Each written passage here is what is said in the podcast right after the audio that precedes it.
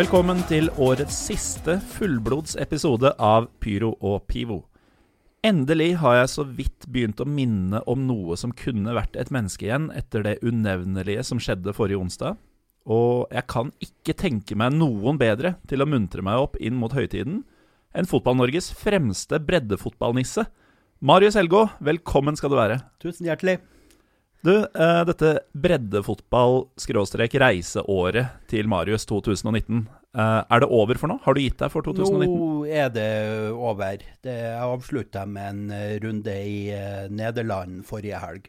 Hvor, eh, hvor mange kamper har du sett live i år? Eh, jeg landa til slutt på 179. Det, når jeg starta året, så hadde jeg en slags ambisjon om å klare 150, etter at jeg så vidt passerte 100 i fjor. Så så jeg ganske tidlig i høst at uh, 150 var definitivt innenfor rekkevidde. Så jeg oppjusterte litt til 170. Og så, når jeg nærmer meg 170, så så jeg at oi, 180 er faktisk innenfor rekkevidde. Så vi kan komme litt tilbake til senere hvorfor det ikke ble 180, men Men Vi sitter jo her um, ganske nøyaktig med to uker, altså 14-15 dager igjen av eh, året. Så det har gått 350 ish dager. Du har vært på 179 fotballkamper. Ja. Blir det tid til noe særlig annet?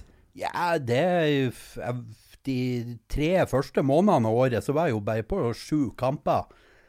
Så eh, det, det er jo fra april og utover de eh, virkelig eh, Altså Hvis man, hvis man da kutter bort uh, fram til april da, Ja. uh, og teller antall dager derfra, så er det jo snakk om et drøyt halvår.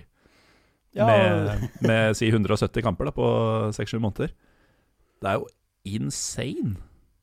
det blir åtte måneder med 160 pluss kamper, i hvert fall. Jo Altså, jeg føler at eh, jeg får et sånn samfunnsoppdrag når jeg hører deg snakke nå. Har du det bra med deg selv, Marius? Ja, jeg tror det. Alt er som det skal være? Ja da. Ja. Nei, men eh, det vi tenkte å gjøre i dag, da Dette er jo en slags juleavslutning eh, hvor vi skal kose oss litt. Vi har jo begge hatt det ganske tungt med våre norske favorittlag. Eller ikke bare ganske tungt. Eh, min verden har rakna, og det har sikkert din også. Ja, det Så nå skal vi prøve å dra hverandre opp litt, og da er det jo å kronologisk gå gjennom dine ikke 179 fotballkamper, det går ikke. Selv ikke i Pyro Pivo-lengde på episodene. Eh, Men vi skal i hvert fall ta turene dine ut av landet. Og så kjenner jeg deg rett, så blir det kanskje krydra med litt, Vi eh, må litt innom Norge underveis òg. litt innom Norge. Men uh, du nevnte jo at uh, det, det var lite som skjedde før april. Og um, du nådde 100 i fjor, sa du. Um, det virka jo på mange som om du har brukt opp Østlandet. Uh, fordi det var jo um, De første ordentlige satsingene dine i april var vel til Sverige? Ja, eh, det, ja, for det første så breddefotballen kom i gang litt tidligere i Sverige enn Mm. eh, i Norge. Uh, men òg, som du sier, det begynner å bli lite baner som jeg ikke har besøkt uh, på Østlandet. Det, det, er, no, det er fortsatt noen, så jeg, så jeg kommer til å eh, For 2020 kommer jeg nok til å gå litt mer systematisk på dem. Ja, for det, det er et poeng at det skal være nye steder du besøker. Eh, Det er jo et poeng i seg sjøl, så jeg landa vel på litt over 160 nye baner i år. Mm. Så, men så er det jo eh, Så av de 179 kampene så var det 160 nye baner. ja, cirka. Altså, på Groundhopper-appen, Hva syns du forresten om det nye navnet på den? Nei, det kan vi behøver ikke å snakke så mye om. Nei. Jeg er ikke veldig imponert. Men eh, jeg syns jo det nye designet er helt prima, og Mm. det krevde bare litt tilvenning, og så var det mye bedre enn det gamle. Men akkurat det med navnet, det Ja ja, der nei, var det. For ifølge den, så Jeg eh, har jo rykte på meg for å se mye fotball og reise og se mye fotball, men jeg har jo faktisk eh, Jeg tror ikke jeg engang har 100 baner totalt i min karriere. Du har 160 nye i år. Ja, Det er eh, Jeg må skjerpe meg, eller? Ja, det er Nå har eh, Det Det handler om ikke bare å tenke på de store turene, men òg se de nærturene. Mm. Og ta turen til voksen kunstgress. og å se eh, Shade 2, eller hvem det var som spilte der i år. Ja, nei, deg om det, Marius eh, Helgå. Men eh, du tok i hvert fall i april eh, både én og to turer til, eh, til Sverige. Du var i Bohuslän eh, og så et par kamper, og så var du i Värmland og Göteborg eh, uka etter. Ja, det er faktisk tre turer. Først var jeg Palmehelga. Ja. Eh, Da var jeg på um, Og da snakker vi ikke om Olof Palme. her, Nei da, da snakker vi om den helga Påsken. som innleder påskeuka. Og Mm. da tok jeg en tur ned til Bohuslän og så Smøgen mot Grohed og eh, Og som navnet indikerer, så er ikke dette skyhøyt nivå. Nei da, det er eh, den eh, første kampen der det var på nivå sju i Sverige. og, og da var det Smøgen har egentlig en flott gressbane på øya Smøgen, men den var ikke blitt spilleklar ennå. Så kampen gikk på kunstgress inne på fastlandet i Mm. eh, Kungshamn, heter det vel der. Altså, Bohuslen-regionen eller kretsen, eller hva vi skal Ja. si, det, det er der du kommer når du har passert grensa, ikke sant? Når du Ja, kjører ned mot Strømstad. Kjører over Svinesund, Mm. så er du i Bohuslän. Så det, det var jo tidligere et eget len, og så eh, Og så har de jo hatt en regionreform i Sverige òg for en Mm. del år siden, og slått sammen litt. Men, eh, men som i Norge så består fotballkretsene eh, til, I hvert fall til en viss grad etter de gamle Mm. grensene. eh. Så, eh, men eh, hvis man går riktig tilbake, så er jo Bohuslän norsk. Ja, Det, og det passa du på å fortelle folk mens du var der? Nei, ikke så mye. Men det er jo litt hvis, For den neste Jeg tok da selve påskehelga og Eller Ja, da reiste du rett og slett bort. Uh, Ja, altså Skal vi se, jeg må bare hoppe litt i kalenderen min, så jeg ser hvilke ukedager det her var snakk om. Uh, den uh, tors, Skjærtorsdag kjørte jeg da på nytt til Sverige. for å se For da hadde du vært hjemme i fire dager. Ja, Da må man til Sverige. Ja, ikke sant. Da reiste jeg til og overnatta i Göteborg. Mm. Eh, Men da på skjærtorsdag, når jeg kom eh, nedover, så så jeg altså kampen mellom eh, Kongahella og og, og, og, Jonsered. og Jonsered. Jonsered er jo for mange mest kjent for motorsaget. motorsage. Men de har også Ja. et fotballag òg på nivå fem i det svenske seriesystemet. Mens Kongahella, der kommer vi da tilbake til den norske norske koblinger, For det holder til i Kungelv, like utafor uh, Gøteborg, Mm. som var det norske rikets sørgrensefestning mot, uh, mot Sverige og Danmark. Svenskene har tatt mye fra oss, altså. Ja, det, Og nå også Marius Helgå, tydeligvis. Du bytta ikke nasjonalitet eller begynte å snakke svorsk og sånn? Nei da, det jeg greide å holde meg på Men uh, du driver jo mm, Altså, for folk som ikke har fått med seg fenomenet Marius Helgå ennå, uh, så poster du jo mye om disse turene dine og kampene i det hele tatt på bl.a. Twitter. Uh, og er da veldig glad i hashtaggen breddesnadder, som da ofte er vafler i Norge. Men hvordan hva, altså, hva skiller seg mest fra, eh, når du er i Sverige, fra tilsvarende baner og opplevelser i Norge? Ja, Først tenker jeg at vi må hedre den som hedres bør. Eh, Hashtaggen breddesnadder, da er det én mann som må hedres. Han Mm. heter Marius Dahl og holder til i Trondheim. Ja vel? Han som er eh, han, I Trøndelag han er han legendarisk som eh, han som driver og smaker på alle kakene på breddekampene. Må Eh, man være litt sånn raring for å være breddeentusiast? Nei, det Litt sånn original? Nei, Nei. det tenker jeg ikke. Det er for alle. Men, uh, men tilbake til det med breddesnadder. Da. I Sverige de er jo veldig, veldig gode på uh, korv. Korv. Ja, Mm. da er det pølse av den typen som skal varmes i vann, som er varma i vann. Ikke som enkelte plasser i Norge der man får grillpølse varma i vann. Jeg tenker at det fins, da. Det er et fenomen. Jeg hørte eh, for eh, sikkert 20 år siden at det var vanlig blant trønderske fotballfans, eh, da Kjernen f.eks., når de skulle på bortekamp, å ha trekte grillpølser i en termos på bussen. Ja, ja, det er en eh, klassiker med De er gærne, vet du. Det er Ja, det er spesielt. Men det er korv, eh, korv er en stor greie på matchene i Sverige. Ellers, eh, samme helga, da, så jeg var så en kamp til på nivå fem mellom eh, Alafors og Alingsås dagen etter, altså på langfredag. Det er fort gjort å blande de to, føler jeg. Ja, og det ligger liksom på hver sin side av en, et lite skogområde, så på en måte hver sin dal som grenser mot det samme skogområdet. Eh, og der hadde de et helt fantastisk uh, greie de serverte. Det var rett og slett sånn eh, belgiske vafler med is og krem og sjokoladesaus og jordbærsaus. Og Så det var litt sånn gourmetpreg over det var helt på, suverent. på Alafors i, på Ja. femte nivå i Sverige. Mm -mm. Ja. Er det liksom Er det høydepunktet på, av stadionservering i 2019? Det er i hvert fall et av de En, en høydere. Sånn, og jeg tror jeg, tror ikke jeg tør å utpeke et enkelt eh, høydepunkt. Nei, Hvis vi skal ta en sånn uformell topp tre, da, uten rangering, eh, så stikker den seg ut. eh, Den er absolutt eh, helt der oppe. og hva annet? Jeg, ellers, det er jo ikke akkurat uh, bredde, men uh, på den Jeg var på en toppkamp i Polen. Mm.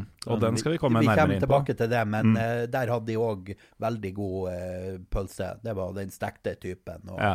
Polen er et bra pølseland. Det er, eh, det er mye god pølse å få eh, Ja. øst for Tyskland. Ja. Ellers eh, Det blir jo en helt annen klasse igjen. Og det er jo òg når vi kommer tilbake til når vi var i Romania i høst. Mm. Så den ene kampen vi var på der, hadde de jo stelt i stand en storstilt grillfest, rett og slett. Oh. Så det var jo et uh, mattilbud av en annen verden. Det høres ut som den vinner, men vi, vi kan ta det når, Ja. Når vi kommer dit. Men eh, det var da et par, eh, par svensketurer eh, tidlig, på, tidlig i sesongen, og så var det en ganske hektisk april for deg. Fordi i slutten av måneden så var det denne Polen-turen som du var eh, inne på. Ja. Um, og den må jo være snacksy, for her er det jo til og med faktisk lite grann toppfotball. Ja. Eh, greia var jeg hadde fått en eh, jobbtur til Polen. Som skulle være fra søndag eh, til eh, tirsdag. Ja. Eh, Og da så du ditt snitt? og da innså jeg at jeg må reise nedover på fredag, så jeg får med meg helga i Gdansk og Mm. finner litt breddefotball rundt omkring der. Og man finner jo Det er jo en av de tingene som virkelig er fantastisk med Twitter. Man finner alltids noen som man kan kommunisere med, enten på engelsk eller norsk eller hva det måtte være, som kjenner til fotballen og kan peke deg til de rette nettsidene. Og med litt Mm. Google Translate og litt kreativitet, så finner man fram i, og får planlagt litt. Så jeg fikk da planlagt uh, å se et par breddekamper uh, tidlig på lørdag. En toppkamp sent lørdag. eh, et par breddekamper planla på søndag. Og eh, så skulle jeg da altså reise hjem på tirsdag, men men det ble det jo ikke noe. Rakk du å jobbe noe på disse dagene? Ja, da, mandag og tirsdag eh, var det fullt eh, kjør. Da var det business. Da holdt jeg kurs for eh, fagforeningsmedlemmer som var på reise. og Men eh, altså, når du nevner Twitter og sånn, vi, vi må nesten ta en liten pause her og si at eh, når du skal finne matcher og planlegge sånne turer, og for din del så planlegger du jo tilsynelatende måneder i slengen. Og groundhopper er jo et kjemperedskap, men man må jo, man må jo gå litt, uh, litt grundigere til verks når man skal finne ut av dette og faktiske datoer som skal, kampene skal spilles osv.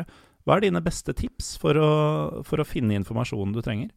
Starte med Twitter, som du Ja, som Twitter er alltid bra. Spør, liksom bare spør er det noen som vet om noen som, eh, som er oppdatert på fotball der Mm. og der. og uh, Ellers så uh, De fleste land har jo noen uh, nettsider som eh, på et eller annet språk. Eh, og, men eh, akkurat det å navigere seg fram til ei terminliste er ofte en overkommelig sak, sjøl om det er Mm. på et språk man ikke forstår. Ja. Eh, så at man kanskje må innom Google Translate med et og annet avsnitt, og eh, så, eh, så har man gode muligheter til eh, det. Så, eh, så det er nok de beste tipsene. Sjekk de Og da gjerne det nasjonale forbundets nettsider, eller er det andre steder som er vel så bra?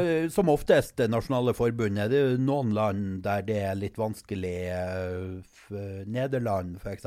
har gjort det helt umulig omtrent. Ja. Etter hva jeg har forstått, så har de mer eller mindre gjort uh, terminliste for breddefotball til en betaltjeneste. Hæ? Ja, nemlig. Det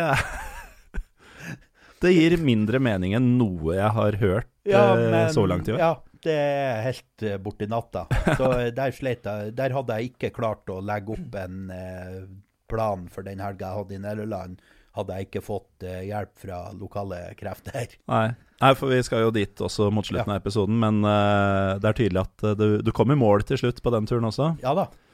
Men uh, vi er altså i Polen, og nærmere bestemt Gdansk. Og jeg ser jo at i løpet av én dag her, så fikk du med deg tre matcher.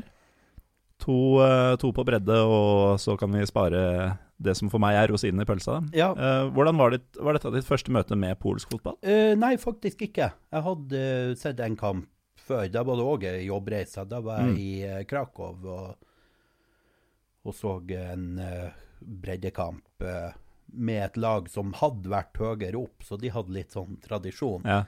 Uh, nå for jeg og så først uh, andrelaget til Lekia Gdansk, Mm. som spiller på nivå fem. Og Og hvem var det de møtte, Marius? eh, de Prøv å møtte si det. Kasubia Korsjersjina. Og det kan godt være riktig uttalt, for alt jeg vet. Vi får vel en eh, lytterstorm fra polske eh, Ja, men de fins, de, vet du. Ja, ja, ja. Um, men det var andre laget til Lekia Gdansk. ja.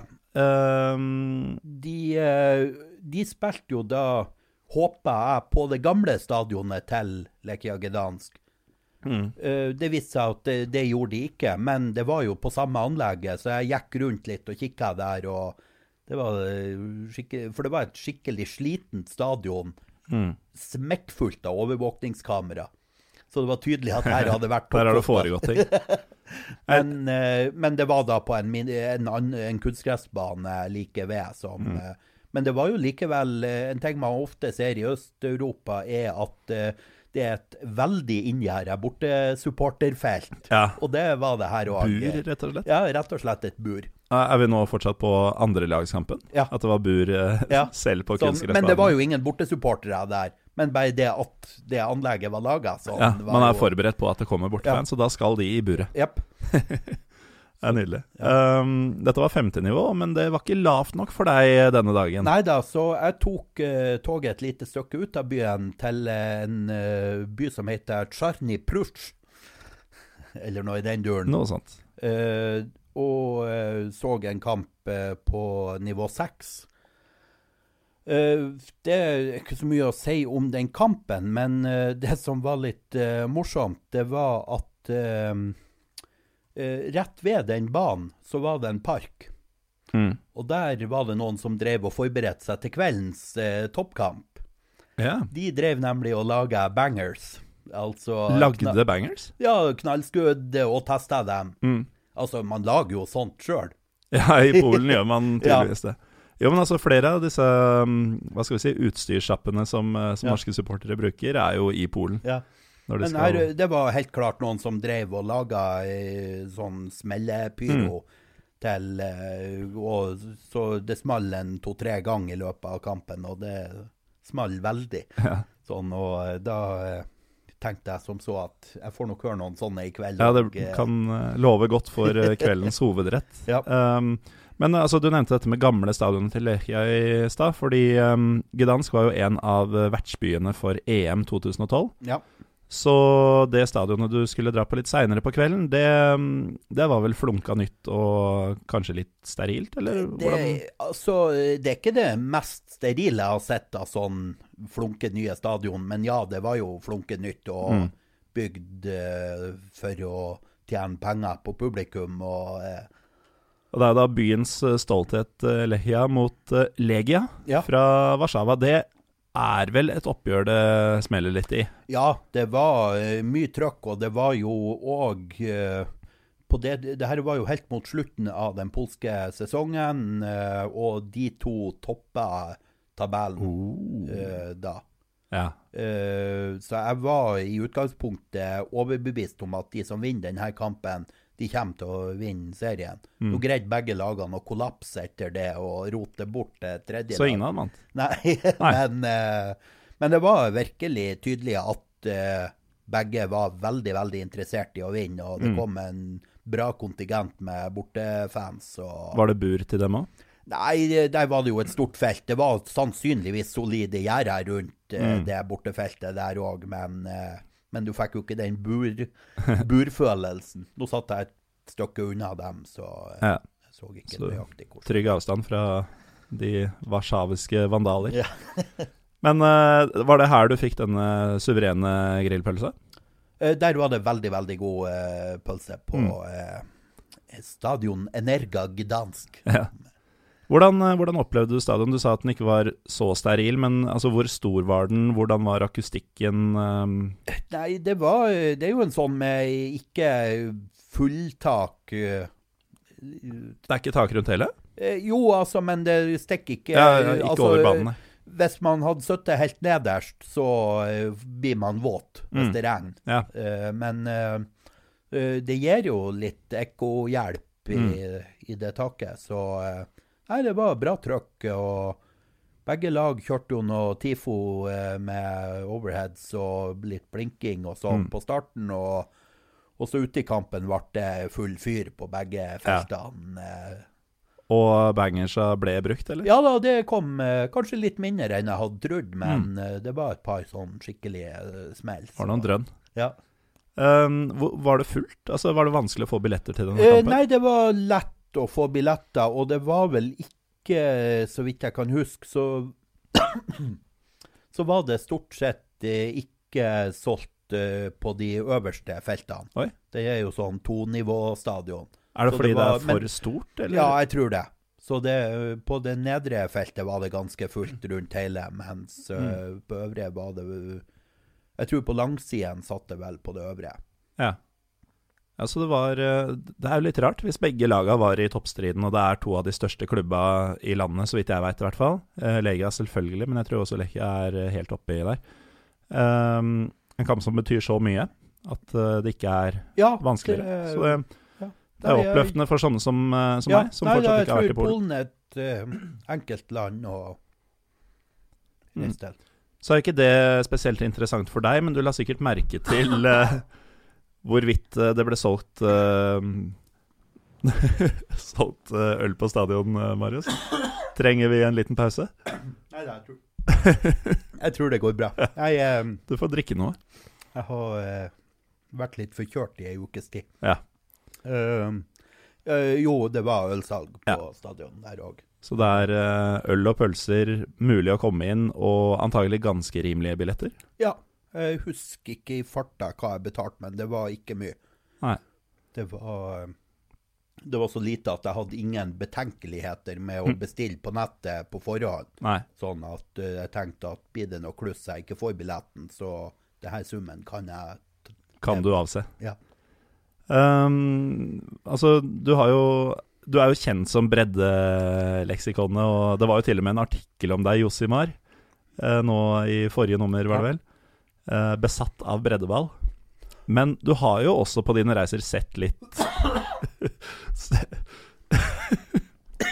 Sett litt, uh, litt toppfotball, Marius. Um, hvordan vil du rangere en toppkamp i Polen uh, som opplevelse, kontra annet uh, du har vært med på av større ting rundt omkring?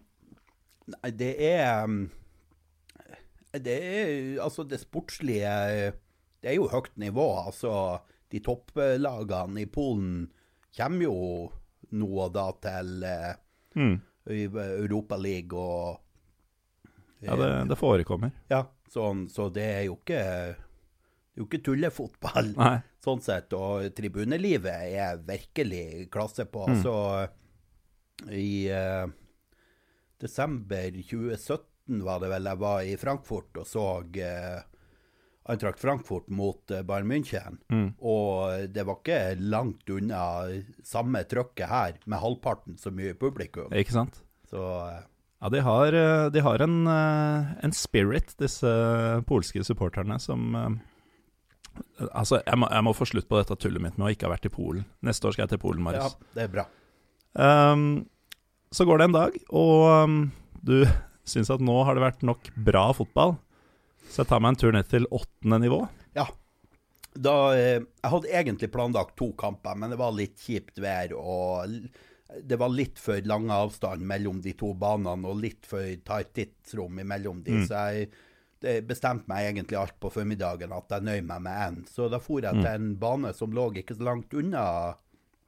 Eh, Jeg så faktisk det stadionet jeg hadde vært på kvelden før, i bakgrunnen. eh, Mens du var på kamp? ja, Ja. eh, og det var da en av de eh, tre smaleste banene jeg har sett kamp på i år. Smaleste som i dimensjonene på gressmatta? Ja. Eller ja. Det var sånn eh, Kanskje så vidt over en meter fra 16-meteren og ut til hjørneflagget. Var det en ballbinge, rett og slett? Ja, det, altså lengden var jo eh, fullt på høyde. Det var fortsatt 100 meter der, men bare Ja. 35 liksom i brenn i stedet for Det 50. er, um, men det er faktisk et par sånne baner i, eh, i, i, i eh, Oslo òg. Men Marius, blir det da fortsatt riktig å kalle det breddefotball? Det spørsmålet stilte jeg meg sjøl òg når jeg var på kampen. Altså, er det breddefotball når man spiller på en så smal bane? Du, eh, du fikk jo også med deg en eh, hva blir det, femte kamp eh, før du dro hjem fra Ja, det ble en bonuskamp, rett og slett. For når jeg skulle reise hjem den eh, 30. april, så hadde SAS gått ut i streik. Ja.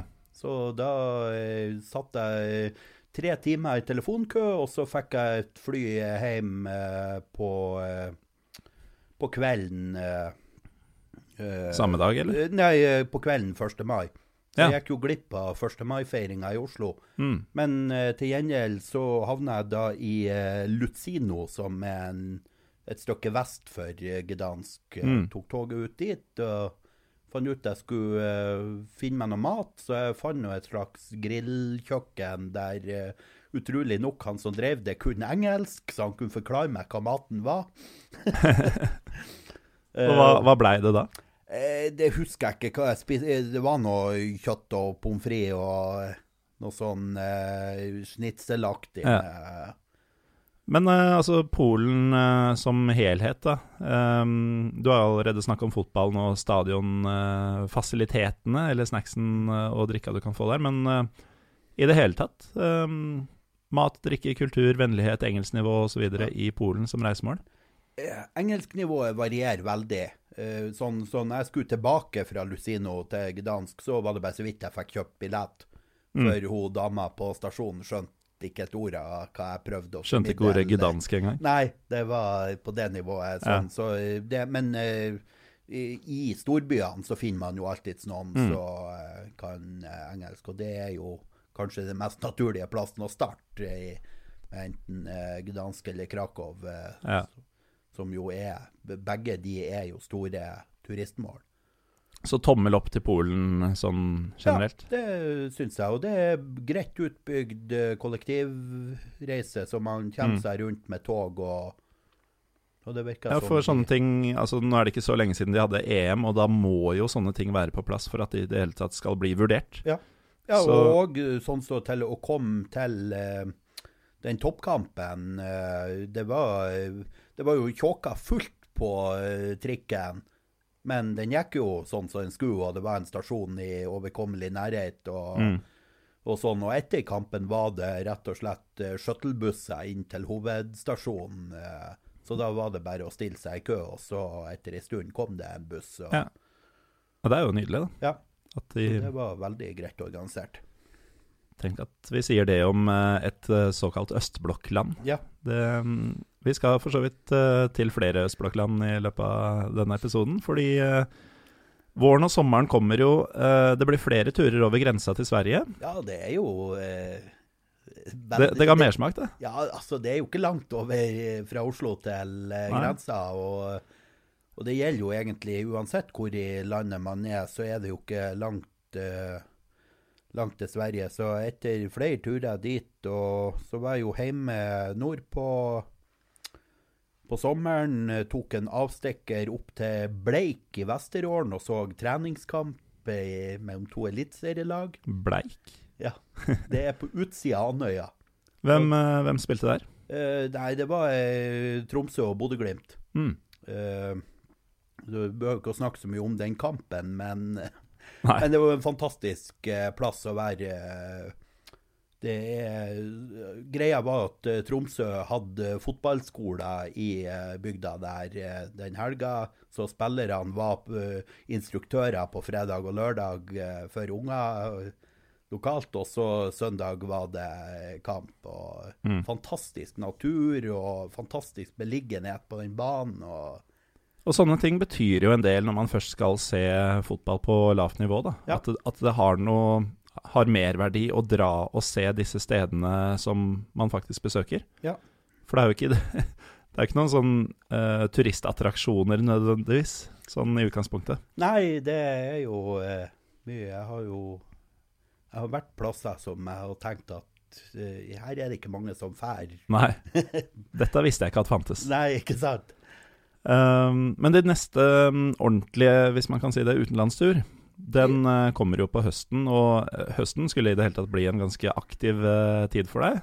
Ja, det ble eh, en del i høst, eh, så Men det er jo i september så um, reiser du tilbake til Romania. Og sist jeg hadde det her, Marius, så hadde jo du vært på en av disse Football in Heaven-greiene til Emanuel Roshu. Det hadde ikke jeg.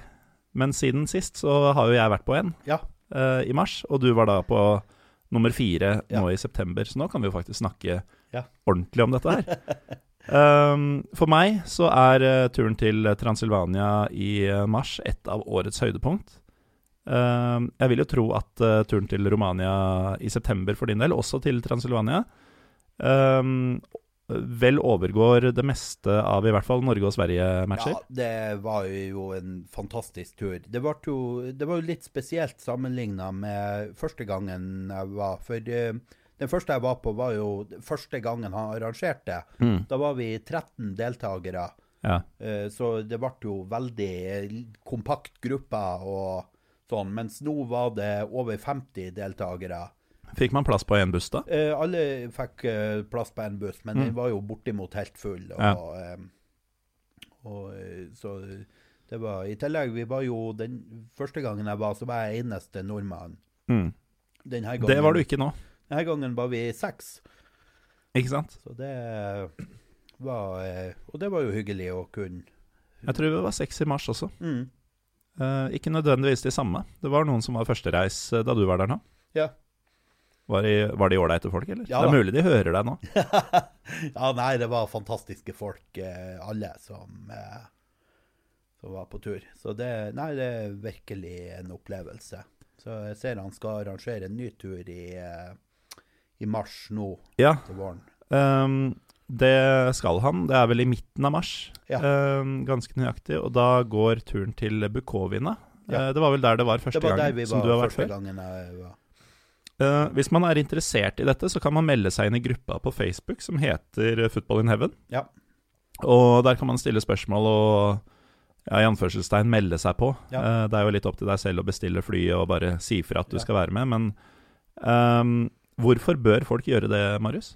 Eh, For man får oppleve eh, et fantastisk land, og får eh, en, Altså, det med at det er organisert av noen lokale som brenner for fotball, gjør det eh, til en helt annen type opplevelse enn eh, både det å reise alene, som har sine sterke sider, eller å reise på en nærmest chartertur av noen som gjør det for å tjene penger. Mm. Det, her er det han, eh, Det er non- non-profit, så Ja, for du betaler jo ingenting annet enn uh, utgiftene dine, holdt jeg på å si. Eh, selve opplegget koster ingenting. Nei, det De aller fleste fleste kampene- Ja, det var en spleis for uh, utgifter til bussen. Og Ja. så Og så spiser og drikker man Ja. litt Ja. det man vil. Eh, og så er det jo de aller fleste kampene er, eh, er det ordna, eller er det i utgangspunktet allerede gratis inngang på? Ja, og hvis hvis det ikke var det, så var det snakk om åtte kroner i inngang.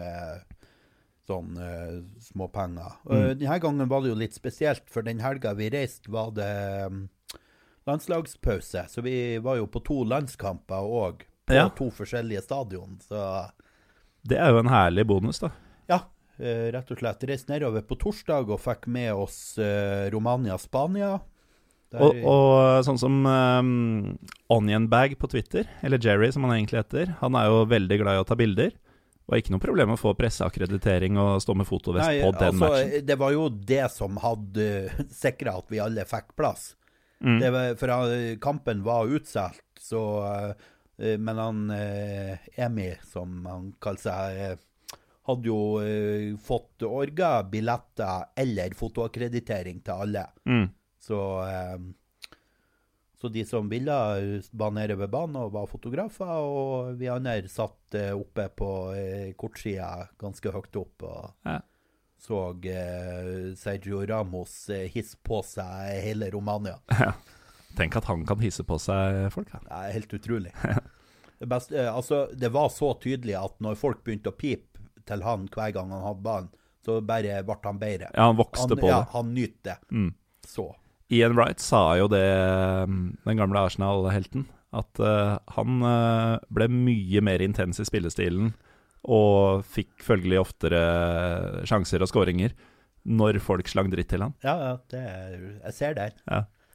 Men eh, vi er jo ikke her for å snakke om Real Madrid eller Arsenal-spillere, Marius. Nei. Du har jo vært rundt i, i Brasov-regionen i eh, Transylvania. Ja. Uh, og da var det både sjette og fjerde nivå, så vidt jeg vet. Ja. Gjerne flere kamper per dag. Ja, eh, som sagt, det var torsdagskvelden var det landskamp. Fredags eh, formiddag kjørte vi da ut av Bucuresti og nordover. Inn i en trang, trang dal. Mm. Eh, og eh, For vi må jo bare ta med at eh, en del av Altså disse stedene i Romania som eh, Emi arrangerer turer til, de er ikke tilfeldig valgt. Nei. Det er fantastiske landskaper å, å reise gjennom og oppleve. Så vi eh, starta da Starta da dagen eh, Eller med busstur, som sagt, og så eh, hoppa vi av eh, på eh, en liten landsby der det var eh, en fjellheis. fjellheis. Så Mm. da var det rett og slett opp på fjellet.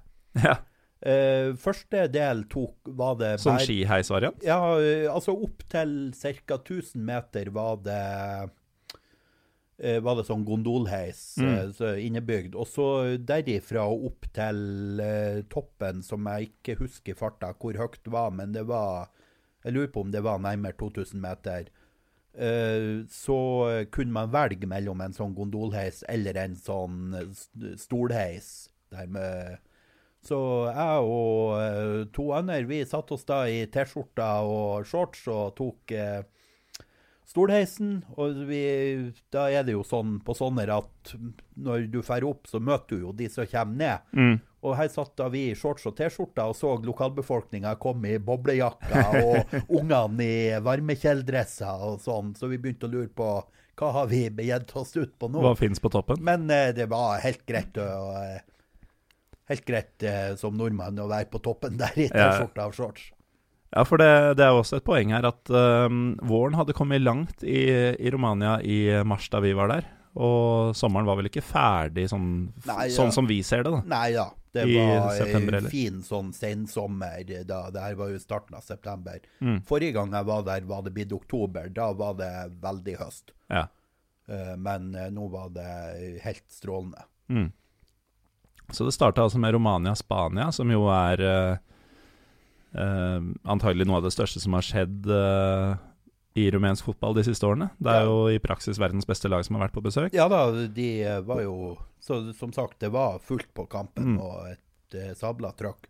Og så er det jo da en helt Ja, etter- annen ballgame de neste dagene. ja, etter dagene. vi kom ned fra den her uh, fjellheisen, så var det å uh, få seg noe lunsj, og så for vi videre til eh, en liten landsby der de hadde et helt nystarta lag. Så det her var vel deres første heimekamp noensinne. Mm. Så De dere hadde fikk, jo hatt lag i landsbyen der tidligere, men det her var liksom men ikke en- denne gjengen. Nei. Er dette det Karaimanul Bursteni som vi snakker om? Bursteni, ja. Mm. Uh, og det Var det stor fest da, med innvielse av Ja, det var fotballklubb? mye folk, og det var eh, Spillerne holdt opp et sånt banner før kampen der de gratulerte en lokal politiker med dagen, og det var ikke måte på. Eh, hyggelig. Ja, så Nei da, det, det var fantastisk sjarmerende tribuner der. Mm. Eh, Det er også en gjenganger på disse turene. Ja. Det var litt spesielt, eh, for eh, det var veldig Den ene delen av tribunen var helt grei, mens den andre var veldig falleferdig. På den falleferdige delen havna alle vi norske. etter Ja, man hvert. gjør det. Uh, og vi innså jo etter hvert at eh, det som lå på bakken, var nok egentlig et sperrebånd. Mm. Det var ikke meninga at det skulle være noe der. Men vi kom oss nå derifra med alle lemmer i behold. Ingen som braste gjennom noen råtne planker. Nei, eller- men det var nært. Mm. Det var eh, Ja, det, det høres ut som eh, første kampen vi så i våres også. Ja. Da var vi også på en sånn gammel tretribune som ja. Alle de lokale var jo på andre sida og satt sånn Ja. passe fint, mens vi nordmennene sto med en kasse pils og Men den eh, For det var himla varmt den ettermiddagen, så jeg, første omgangen gikk jeg nede ved banen og tok bilder. mm, Og eh, i pausen innså jeg at det her går ikke, jeg må komme meg i skyggen. Da, så da var det opp på tribunen. Og, Det her går ikke. ja. Ble det, ble det fest til slutt, eller vant uh, Karay Maru, Manul sin Nei, eh, de gjorde ikke det. Det ble borte seier. Mm. Men uh, de var Hva tap med og å vin- komme tap i gang. vinn med samme sin? Ja, det var jo Jeg tror de var happy med å komme i gang, Ja. rett og slett. Um, dagen etter så skulle det bli to matcher um, i, uh, i Brasjov-området. Ja, først var vi i selve Brasjov by på, eh, på et skikkelig stadion eh, som eh, Det var egentlig stadionet til eh, FC Brasov som spiller på nivå 2, Mm. men de hadde bortekamp eh, den dagen, så vi var og så en klubb som var starta av en tidligere ordfører som valgflesk. Mye politikere involvert i lokalfotballen her. Ja, det er Jan Bøhler som sitter i styret til Grorud eh, IL. Det er, han blir smågutt i denne sammenhengen. Ja, når, Men, når Jan Bøhler blir smågutt. Han, er, han er eh, ganske massiv, altså. Ja, det Men eh, der, så, det var en eh, fin opplevelse der. Det, han Så det ble, Og der ble det 4-0 hjemmeseier. Men det er Mm. jo som sagt en klubb som ble oppretta som valgflesk. Og Ja. de, de har ikke akkurat de mest engasjerte supporterne. Folk gikk ikke mann av huset for Nei. den 4-0-seieren mot uh, Chukash uh, Tarlungeni. Nei. Um, jeg, jeg har sett på bilder, jeg vet ikke hvilken kamp det gjelder, men det, det var en kamp dere var på i bredden der med voldsomt trykk. Med masse røyk og greier. det var dagen etter. Det var dagen etter, ja. Da må vi bare kjapt uh, Ja, høre om for- det, er, om det er noe å si om Prienteni, som du så seinere denne Ja, dagen. Ja, det syns jeg det er, for det var en fantastisk eh, landsby å være i. Igjen dukka det opp en politiker. Eh, Men eh, det som var fantastisk, de hadde en eh, borg fra ca. år 1100 eh, rett utfor sentrum. Mm. Så vi var der oppe først og liksom sto og kikka gjennom skyteskårene ned på stadion. Men Og da ble vi da tatt imot av ordføreren, som ønska oss velkommen og spanderte drikker. Og, og det skulle jo da vise seg at han her eh, selvsamme ordføreren, han skulle stå i mål på eh, kampen. Eh, han eh, han ble bytta inn i pausen. Han ble bytta inn, ja. Og til pause sto det 0-0. Så kom ordføreren inn eh, mellom eh, stengene. Ja, og da endte 0-3. Ja. Kunne ordføreren lastes for uh, baklengsmålet? Ja, jeg tror kanskje noen Altså, det var, det var en fortjent seier til bortelaget. De var et bedre lag. Mm. Men uh, jeg tror kanskje han som sto i mål i første omgang, kunne ha redda eh, noen av de Mm. mulighetene. Men det var tydelig at han var veldig gira på å vise seg fram når det var storfint besøk fra utlandet. Ja, det mm, Det er sikkert en ganske god eh, PR-greie, da. Altså Ja. ikke nødvendigvis å bytte seg sjøl inn for så å tape kampen for laget ditt, men eh, det å, mm, å virkelig ta imot dette storfine besøket Ja, fra litt her og der eh, til, til en helt tilfeldig klubb, Ja. nærmest. Altså At Ja. de spiller hjemme akkurat Ja. nå, det er jo Ja. ja, det er jo det, kombinert med selvsagt det, det at det var den Borg-ruinen, og li, Mm. liksom kunne fære oppå der og se. Det var, det var for øvrig eh, etter kampen, da når jeg skulle gå tilbake til bussen, så møtte jeg ei ku som kom tuslende alene forbi, og mm. sikkert skulle hjem og melkes. Ja. Sånn bare gikk tvers igjennom sentrum. Vi også traff på en del kuer da vi var i, i Sibiu-regionen i Transylvania i, i våres. Men så er det jo dagen etter, da. Um, dere skal på en ny landskamp, men før det så rekker dere litt bredde, og den virka helt uh, Ja. nydelig. Eh, Det var i Vi kjørte da ned igjen gjennom den her eh, Prahovadalen, som det heter. Veldig trang dal der det er prosjektert ny vei, eller det er under prosjektering. Problemet er at det er ikke plass til en ny vei der. Og det, vi fikk jo merke hvorfor man trenger ny vei der. Trafikken sto nesten stille. Ja. Eh, vi, brukte en, eh, vi kom eh, fram så sent at kampen ble litt utsatt pga. oss. Men vi kom da til Komarnic, der, der det var kamp, og det var 750 tilskuere. Det er bra på sjette nivå i en landsby. Ja. Og det var eh, 150 ultras. Full kok med røyk og sønging og eh, Altså 150 Ultras er jo mer enn mange eliteserieklubber i Norge Ja. kan stille med. helt eh, borti natta. Det var et sånt trøkk. Og eh, vi drev jo og lura på er det her fordi at vi er her. Ja. Men eh, jeg har, vi sjekka YouTube. Det ligger masse videoer. De er sånn hele tida. Ja, fordi de hadde et stort banner eh, bak, eller foran all røyken hvor det sto 'This is heaven'. Ja. Så det var jo grunn Ja, til det, å det, det var nok grunnen ja. også, akkurat det banneret med siden opplegget var 'football in heaven'. Mm. Men det var eh, fullt trøkk, og de eh, Det var jo mange av de norske deltakerne som har bakgrunn fra diverse eh, supportermiljøer i Mm. Norge. Så det var jo flere av dem som bare sklidde rett inn Ja. blant hjemmesupporterne og sto der og sang med. Vi hadde en, vi hadde en lignende opplevelse siste dagen uh, i, i mars. Da var det bortesupporterne til et lag som kom med Det var ikke 150, men kanskje si 40-50. Ja. Um, også med masse flagg og tromme og røyk og hele den pakka. Og masse hjemmelaga palinka, selvfølgelig. Ja. Uh, uh, som jeg selvfølgelig måtte prøve.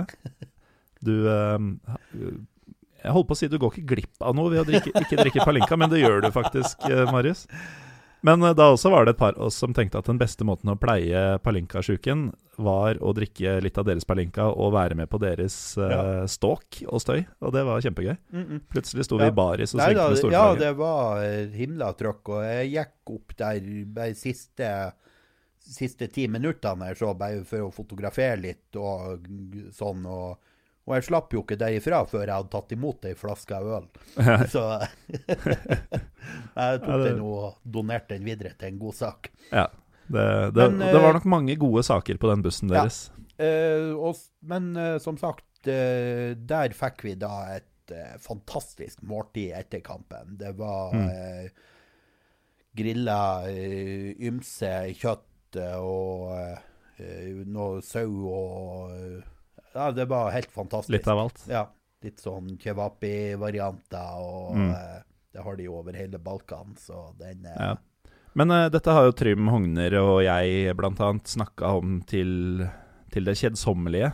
Men uh, de har en del ting i Romania som er liksom typisk Øst-Europa-mat og Balkan-mat, men det er et mer sofistikert kjøkken enn mange av landene rundt, syns du ikke? Ja, det Jeg har vært for lite i mange av landene rundt til å si, uttale meg så Mm. Ja, men det, mye er om ikke, det er ikke bare grilla kjøtt og noen stekte poteter på siden. Nei da, det var eh, en variant jeg spiste en del av på forrige turen, men ikke så mye denne gangen. Det var eh, det med sånn diverse kjøttvarianter og så noe sånn Mm. polenta-greier ved sida. Det er òg Det er jo den retten med alt. Ja. Du ja, tenker på det liksom. med egg oppi og Ja, ja, alt mulig? Ja. Hele Tokitora, det. Ja. Det er jo hva skal vi si, en slags eh, lapskaus på rumensk eh, vis. Ja, Bare alt mulig oppi uh, på samme tallerken.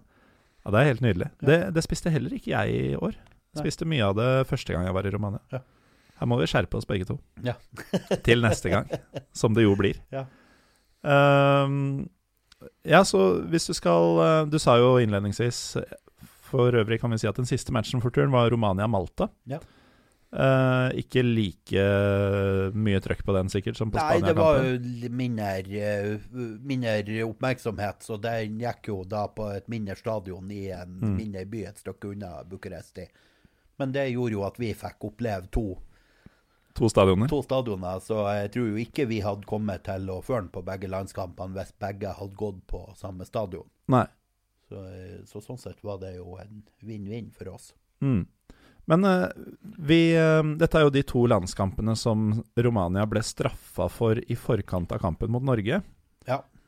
For rasisme, ble det sagt. Og så har jo har det jo blitt ganske godt etablert at det var først og fremst anti-ungarske rop Ja. som, som er uh, rasismen i den tiltalen fra Uefa. Merka du noe Nei, spesielt til dette på noen av disse jo Merka ikke noe til det. Og det vi merka, var jo eh, eh, det med det kom, Altså, i kampen mot Spania var det jo to banestorminger. Mm. Uh, en som skulle si noen sannhetens ord til Sergio Ramos, og, Mm. og pluss at det var eh, fyring med sånt som Uefa ikke liker. Det er litt på tide at noen skal fortelle Sergio Ramos hvor, lag, hvor landet ligger, er det Ja, ikke? det? det, det var ikke ufortjent. Det var for øvrig eh, på den ene av de to. Han eh, hadde et par fantastiske unnamanøver fra vaktene. Og så kom det en vakt som satt inn eh, dødstakling. Ja. Du, du så han hadde løpt fra vakter før. Ja, men eh, så han siste vakta, der eh, han Han hadde løpt etter sånne som han før. Ja, greia var at han kom imot, og han klarte å lese hvor han kom til, og, så han gikk samme vei, og da Mm. Ser du noe særlig på amerikansk fotball? Eh, litt, Ja. Uh, Runningbackene er jo ofte sånn at de, ja. de holder på på samme måten, og så er det jo forsvarerne som, som skjønner hva du pønsker på, og som plutselig er i ja, banen der. Det var litt den feelingen. Um, hvordan vil du um, Altså, du sa jo at det var veldig forskjellig fra første gangen fordi rett og slett det var mange, mange flere folk. Ja.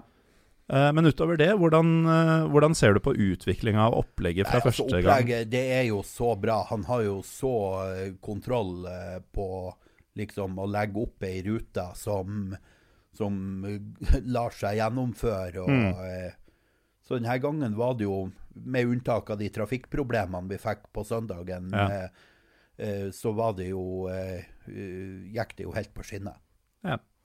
Så de som har muligheten til å reise midt i mars, hva har du å si til dem? Nei, det er bare løp og kjøp. Ja. Det, Og du trenger ikke å kjøpe engang, bortsett fra flybilletten. Ja, ja. Det finner billige billetter til uh, uh, Nå, som sagt, skulle det være Bukovina, og da må man vel bestille til Sortsjava hvis man vil. Det jeg gjorde Det er tre flyplasser som man har sagt er Ja. OK å bruke. Uh, Sutsjava er jo der, der de skal ha base, ja, vel. og som- greia er Sortsjava, der går det direktefly fra Luton. mm, Så for britene er jo det veldig attraktivt. ja. Og for oss så er det jo ikke vanskelig å komme seg til eh, Nei, England. Men det er litt sånn omvei å reise til England før å reise til Romania. Så det jeg gjorde sist, det var at jeg fløy via eh, Wien. Mm, Eh, og så landa jeg i Iash, Ja. eh, den byen der Kamikaka holdt til. Stemmer. som er, er et par timers kjøring unna. Og så Ja. ledde jeg bil, rett og slett. Og Mm. det var jo òg en opplevelse i seg sjøl da, å få kjøre litt rundt på landsbygda der alene. Og, Ja. Nei, for både Sutsjava, uh, Yash og jeg tror det er Bakau er den uh, siste. Det er steder man kan Mm. Fly til. Det er litt mer kronglete enn å fly til eh, Bucuresti, men ja, dersom du vil, så får du det til. ja.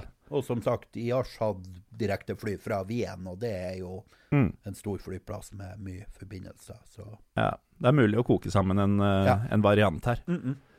Men uh, vi er ferdig med Romania. Du er ikke ferdig med Øst-Europa for den måneden en gang, fordi vi er fortsatt i september. ja, Og du tar en eh, Er det jobbreise igjen, eller? Igjen er det jobbreise, vet du.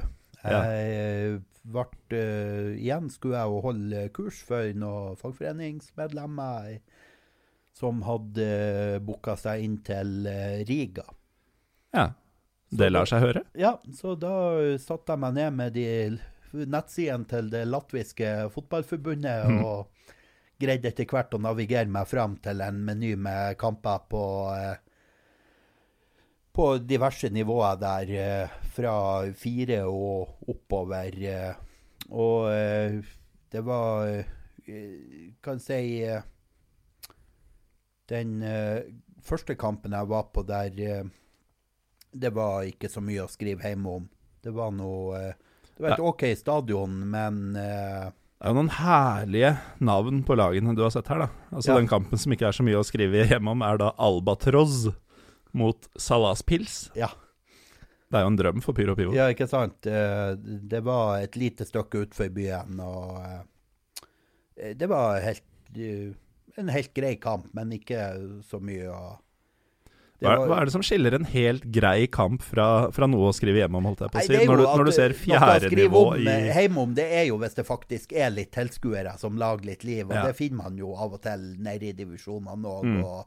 Eller at det er enkeltspillere som utmerker seg eh, på en eller annen måte og sånn. Men eh, ja, den kampen var, den var nå der. ja. Men eh, kvelden etter så eh, for jeg faktisk på semifinale i cupen. ja vel. Eh, Det var semifinale i cupen. Det var lag, eh, to lag eh, fra toppen av toppdivisjonen. Det var byderby. Oi. Og det Nå var 300, snakker 300 tilskuere. Nei, men i alle dager. Eh, Riga, eller altså Latvia, er ikke et fotballand.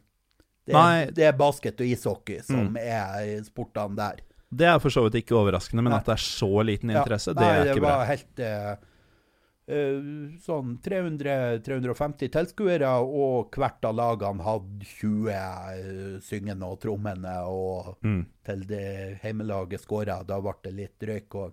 Så det føltes som bredde, nærmest? Ja, det var nesten litt sånn. Men det var jo eh, Altså, samtidig så man jo at det var bra spillere. At det Ja. er eh, Ja, bedre i hvert fall. Ja. Sånn eh, så, Nei, ja, og det var jo en flott eh, Flott opplevelse på sin måte, det òg. Men eh, dagen etter så skulle du jo se enda et eh, bylag. Ja, var det Det var faktisk på samme anlegget. Så det var den er litt litt, lenger bort. Ikke Ah. samme stadion, men Ah, okay. samme idrettsparken. Men da var det altså et hjemmelag som heter Karamba. Caramba Riga. Og der var det alt Den kampen endte 9-3. Ja. Uh, men der uh, fant jeg da ut at uh, det var en fyr som uh, skåra hat trick. Mm. Og han Han heter uh, Ojegs Nei, Oljegs Semjonovs. ja Og hvis vi har noen lyttere fra Rogaland her som følger Bjerkreim i sjettedivisjon i Rogaland, så spilte han altså i 2016 én kamp for Bjerkreim i sjette divisjon Rogaland. Fant jeg ut etter kampen. Du er en ganske sjuk mann, Marius.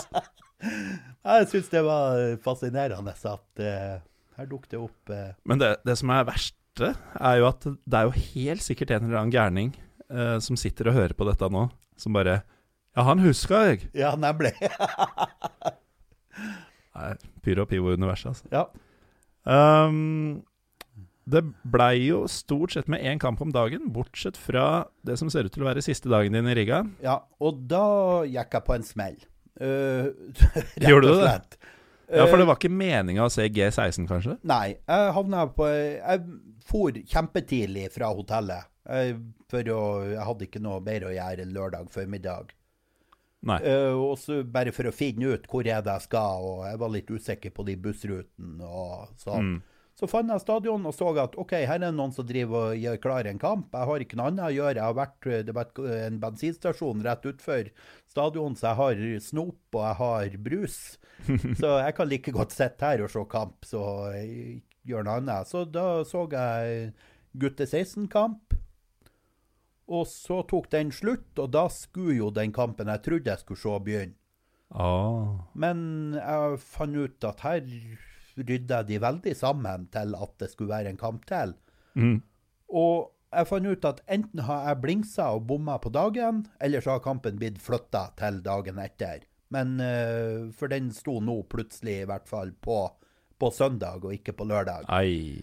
Så, men eh, da protokollførte jeg den gutte 16-kampen likevel, Det det var litt sånn eh, Du så den jo, du var ja, der. Ja, og det var ikke liksom Det var ikke at jeg hadde planlagt å ta det stadion ved å se gutte 16-kamp. Nei. Men du har sett fotball der. Ja.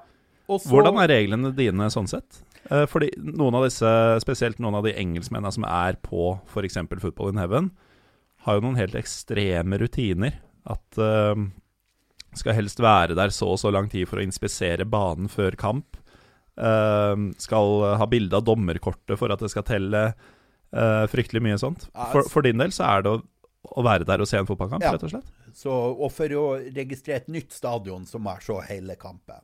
Ja, ok. Ja. Uh, jeg har blant de 179 kampene i år, så er det tre kamper jeg har sett bare én omgang.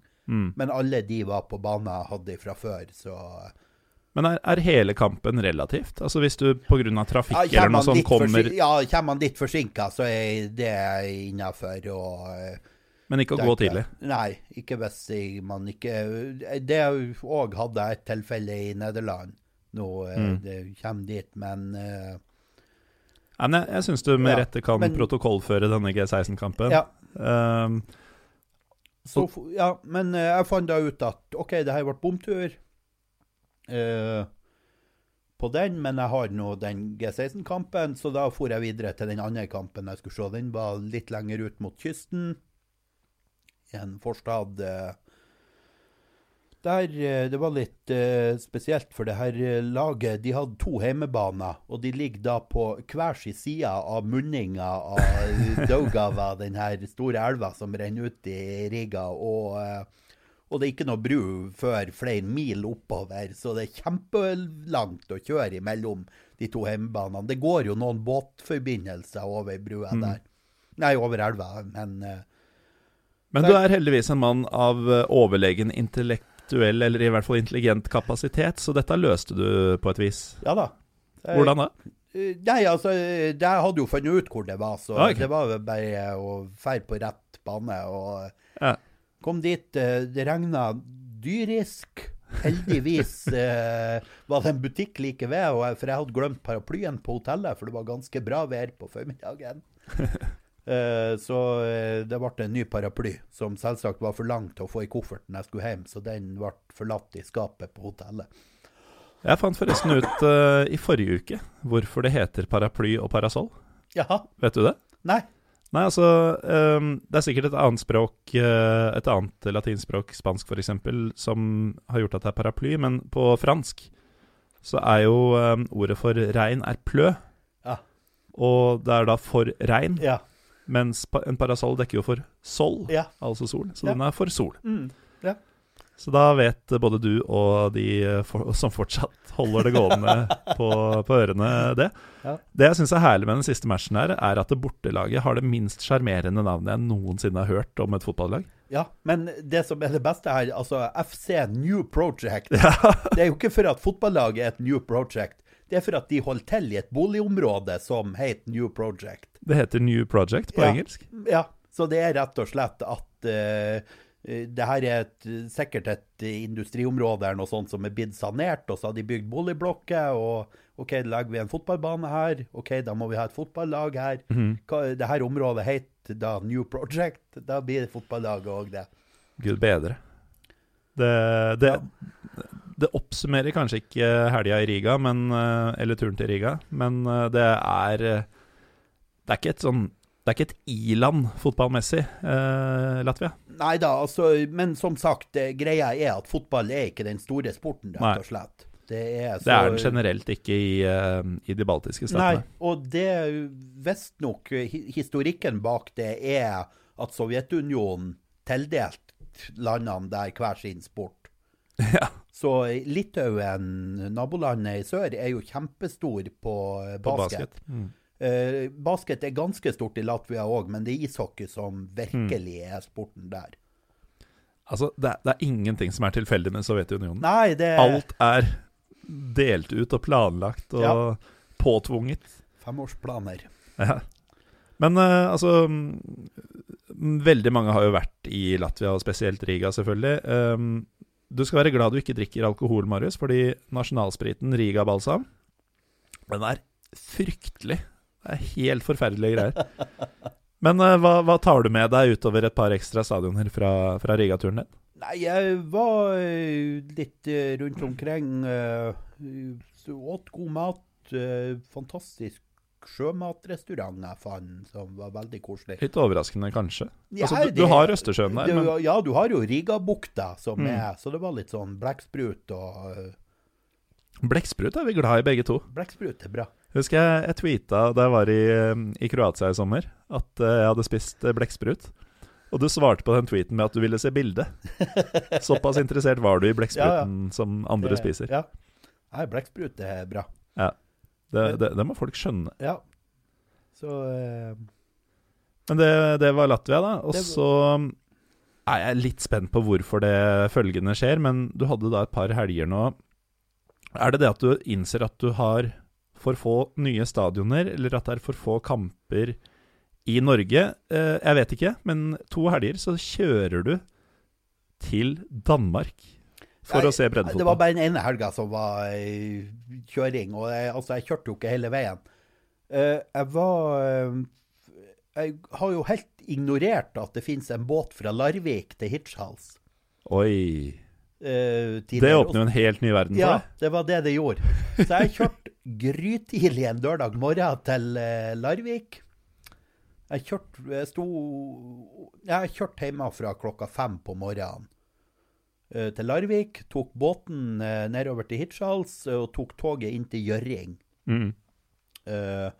Og da så du én fotballkamp, og Og så dro du hjem igjen. ja, der så jeg kamp. Og så tok Som Det var jo Det er jo sikkert mange av lytterne som har vært på Dana Cup.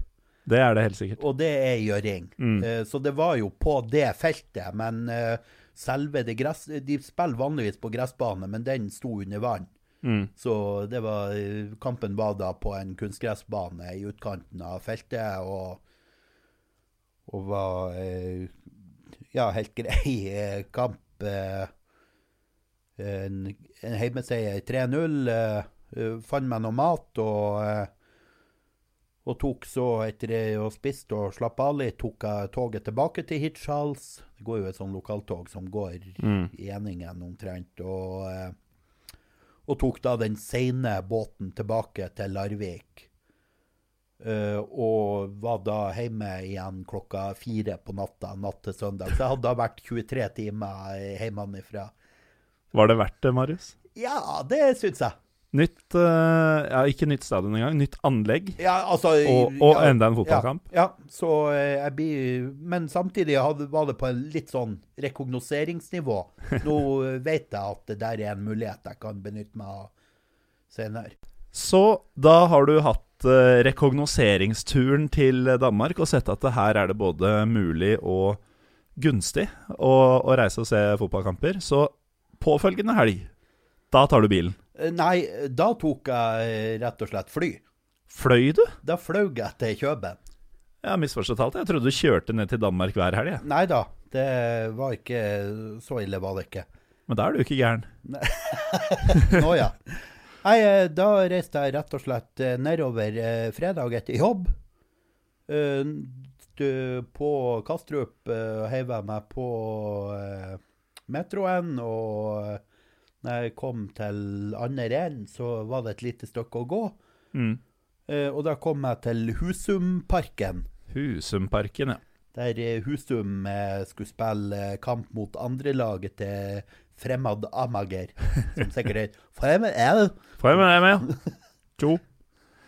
Um, ja. Ja, så det var Der var det Og det var siste runde i høstsesongen. Danmark har jo innført den her grusomme sluttspillmodellen. Mm. Uh, så uh, Men uh, de ville Da var det litt pyro på innmarsj. Litt sånn tinnsoldatvariant. Ja. Men ikke helt tinnsoldat. De hang litt i busker og lyktestolper. Og var det en fyr som var utrolig opptatt av å filme seg sjøl mens han sto med maskert og fyra. ja. Hvorfor ikke? Nei, det det Um, men eh, altså, du er nå på femtenivåkamp i, i København? Eller er vi Ja. fortsatt i byen København? Ja, i Køben, ja. København-serien. København-serien, ja. Ja, så det er liksom noe Det er noe litt mer eh, Det er litt mer storbyfeeling i Køben enn i Oslo. Selv om man tenker på det som eh, litt samme sak, så Ja. er det mer grandiost og sånn enn en enn her. Breddefotball er breddefotball. Ja. Det, men eh, Ja, altså var- selve fotballen eh, men tenker her jeg ikke var på. det jo Det var en del kam, uh, folk på kampen, men uh, det var veldig dårlige flomlys. Og de, de lyste jo absolutt ikke utafor banen, så det er helt umulig for meg å anslå hvor mange som faktisk var der. Men Ja. det, det var en del. Og de, spesielt i starten av kampen var det litt sanging og hoiing. Der òg var det jo gode pølser, det var ølsalg. Ja, Danmark er Danmark. Danmark er Danmark. Danes gonna Dane. Ja. Så eh, Nei, det var strålende. Jeg for derifra. Trodde jeg skulle dra på hotellet, men så på veien kom jeg forbi en eh, kinesisk bufférestaurant. Ja, da blir det ikke hotell med det første. Nei, det tok, det ble en litt senere buss til hotellet. Og overnatta, og eh, det er også dagen etter eh, starta jeg da med en kamp på nivå tre, som var Mm. flytta til et litt kjipere stadion enn den egentlig skulle gå på pga. at det var senhøstes og gressbane og Hvor mye går sånt uh, innpå deg? For du, for du, Nei, du slår meg som typen som sjekker litt bilder av anleggene du skal på sånn. Nei, ikke så veldig. Så Nei. lenge jeg får en ny bane, er jeg fornøyd. Det er, jeg vet noen Mm. som, eh, hvis de har planlagt å se kamp på gressbane, og så blir det kunstgress i stedet, blir veldig skuffet. Blir utagering. Ja, nesten sånn. Men der er ikke jeg.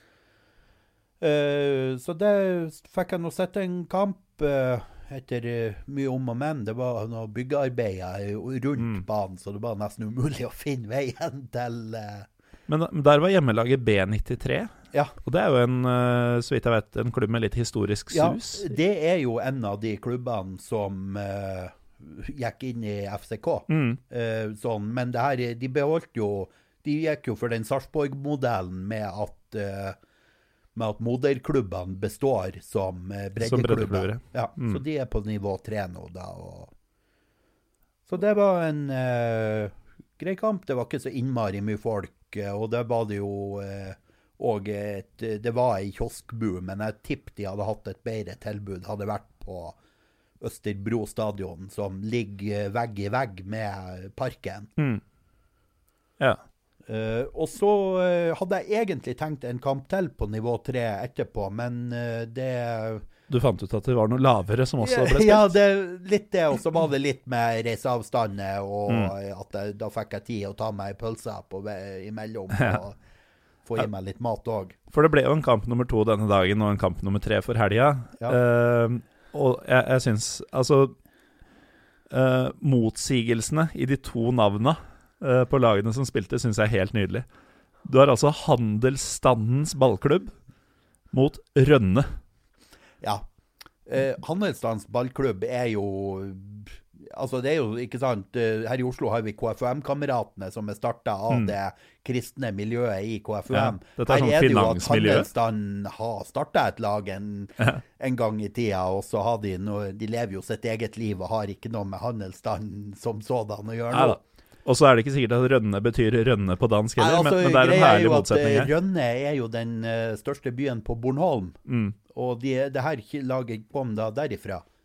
Uh, de er litt sånn samarbeidsklubb på Bornholm, fant jeg ut. Og, eh, og siden Bornholm er ei lita øy langt fra resten av Danmark, så Mm. spiller de da òg i denne København-serien på Ja. nivå fem.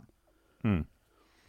Er det noe å ta med seg fra den matchen, eller uh, takker du Danmark for helga? Og... Nei, eh, da eh, Det var grått og trist og kaldt og surt, og når kampen var ferdig, var jeg utrolig pissetrengt, for det var ikke mm. noe dofasiliteter der.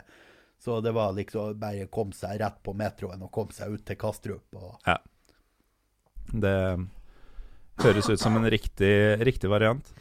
Um, du kommer deg da hjem, og så går det en uke, og for tredje helg på rad Vi er bare midt i november, så det er tredje helga i november, og for tredje helg på rad så blir det en utenlandstur. Denne gang litt lenger sør enn Danmark. ja, jeg tok meg rett og slett en uh, tysklandstur i den landslagshelga. Jeg innleda helga på fredagskvelden med å dra på Ullevål og se Norge-Færøyene. Ja, så du så den, og så dagen etter dro du til Tyskland? det, lørdag morgen grytidlig opp og ut til Gardermoen, og så eh, Og så fløy jeg til Frankfurt. Jeg heiv meg på et eh, intercitytog til eh, Düsseldorf. Og så over da på et lokaltog til eh, Mönchengladbach. Ja. Og i, i løpet av den turen, så hvis jeg har skjønt det riktig, så så du fem kamper på to dager i Tyskland. Ja. Tre kamper på lørdag og to på søndag. Det er solid. Ja, det, men uh, Men får du i deg nok vann og mat, og får du, får du sove og sånn? Ja da. Uh, her òg var det jo en uh, For det, som sagt, det var ei landskamphelg, så så det Jeg starta det hele med det var å sende en tweet til han Runar Skrøvseth Mm. og spørre hvordan er mulighetene for å kjøpe billett til Tyskland-Hviterussland. Det skulle ikke være noe problem, sa han, for Tyskland sliter med å selge ut når de spiller mot uattraktive motstandere. Mm. Så jeg kjøpte meg, gikk inn på nettsiden og kikka, og det var kjempeenkelt eh, å bestille. Det var, det var tilsendt papirbillett, så uh, når man er i utlandet, så bør man jo gjøre det god tid i forveien, så Ja. Posten får tid å gjøre sitt. Ja, i hvert fall Deutsche Post, skal man tro eh, eh, erfaringene de har gjort seg i dritt av Halbseit. Ja. Eh, så, men eh, som sagt, jeg kom da i tolvtida, var det vel jeg var framme i, uh, i Mönchengladbach. Og eh, var innom hotellet og kvitta meg med bagasjen. Og så var det ut på jakt etter eh, fotballkamper. Og da var jeg først og så eh, det som er andrelaget til Borussia Mönchengladbach, men det er jo eh, De tituleres jo i, som Borussia Mönchengladbach U23. Ja. Men Jeg tror- jeg tror det er litt- tror det er omvendt i Hertha Berlin, faktisk. Der tror jeg de heter Hertha 2, men Ja. er et U23-lag. Ja. Eh, Sånn, jeg tror i tabellene så står det Borussia Mönchengladbach 2, Mm. men uh, det er liksom på alle hjemmesider og alt så omtaler de seg som U23. Mm. Uh, de møtte da Homberg på nivå 4, og Mm. Og det er da det som heter regionalliga, eh, ja. som er en skattkiste av eh, Ja. fotballkultur for Ja. Så eh, det var eh, et svært anlegg kampen gikk på. Grensland stadion. Nei. Det er jo ikke så langt fra grensa til Nederland, f.eks., så det er jo nok, kult navn på den ja. måten. Eh, kom jeg dit, det var jo uh, Det var en fantastisk sånn uh, kioskbu Mm. diverse varer. Jeg gikk for noe eh, currywurst og uh, pommes frites. De har det du tenker at du får i Tyskland. Ja.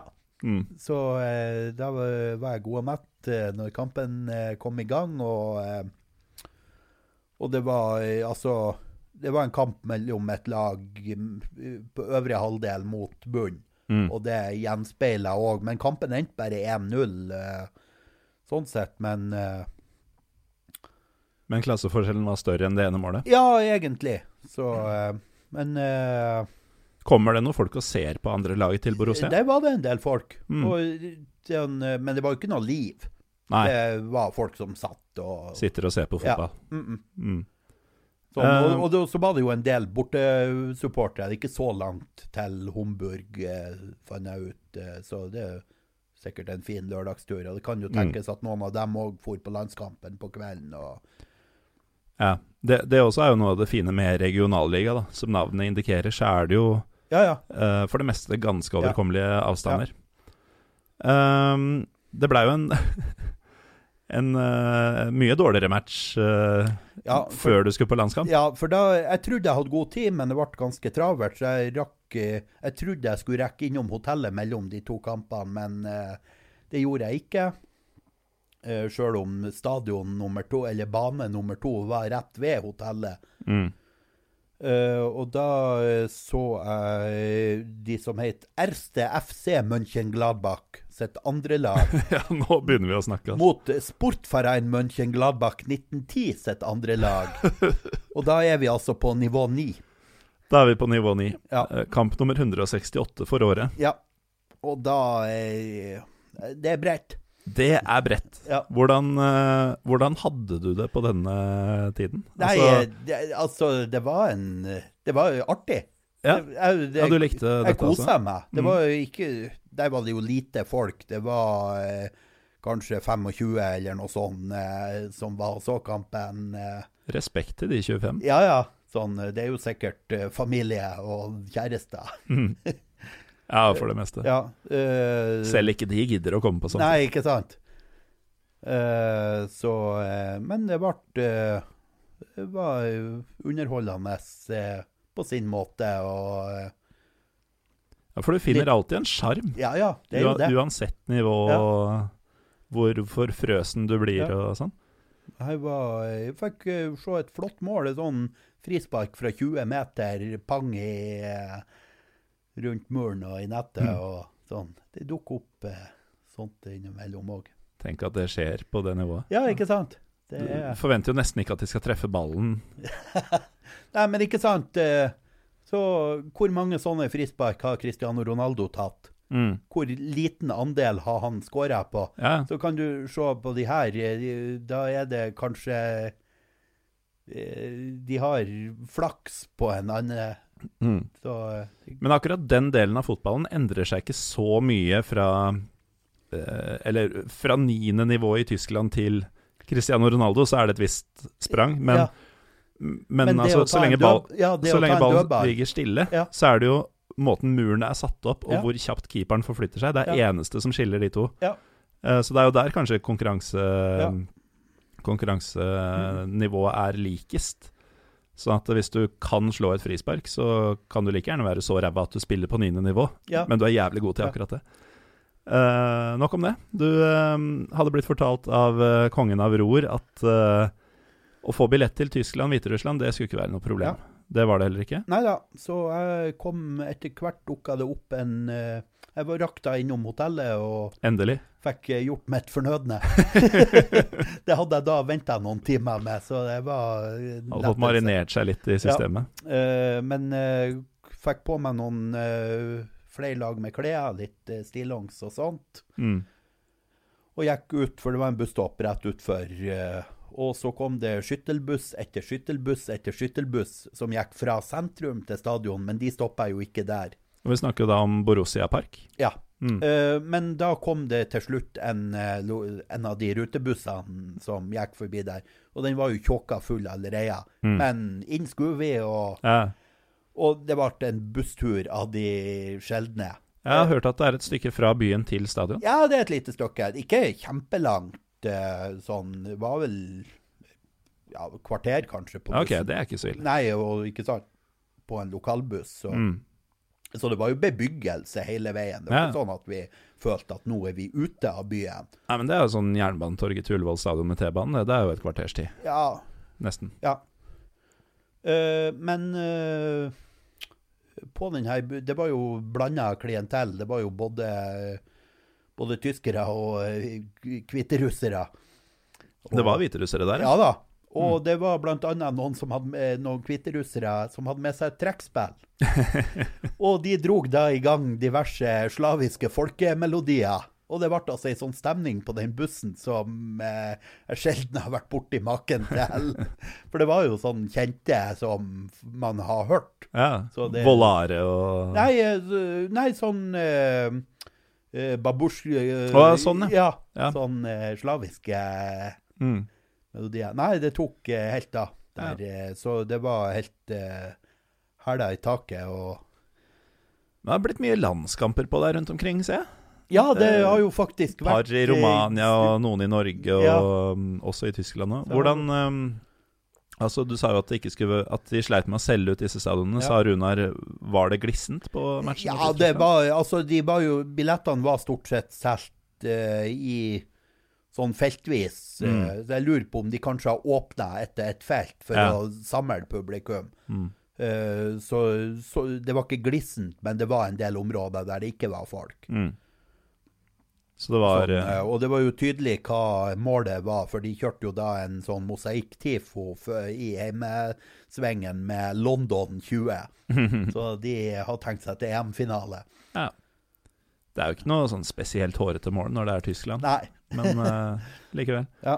Uh, nei, det var, uh, det var litt Jeg tror hjemmepublikummet var litt snurt. Mm. For de, han Barcelona-keeperen, Ter Stegen, Ja. han er jo fra Mönchengladbach. Mm. Og de hadde nok håpa at han skulle få stå denne kampen, men det var Manuel Neuer. eh, ja. Det hadde Oli Hønes Ja, sørga for. Oli Hønes hadde jo sagt at blir, det blir ingen Bayern-spillere på landslaget. Nei. Blackmail er rett og slett eh, Joakim Løv og, Ja. og eh, Fotballmafia Ja. DFB til å Ja. kjøre Neuer i morgen. Men han fikk jo Han fikk jo gjort seg fortjent til lønna. Eh, Ja. For det, på slutten av kampen så fikk eh, Kviterussland straffe. Mm. Og det gjorde han ei meget, meget god eh, strafferedning. Så det er, eh, det er greit at den sto. Ja, det, jeg tenker at akkurat der og Jeg så noen, når den straffen var tatt, så var det noen som la ut på Twitter et bilde av han til Stegen da han satt med hodet i hendene og liksom OK, der Det får være greit. Ja.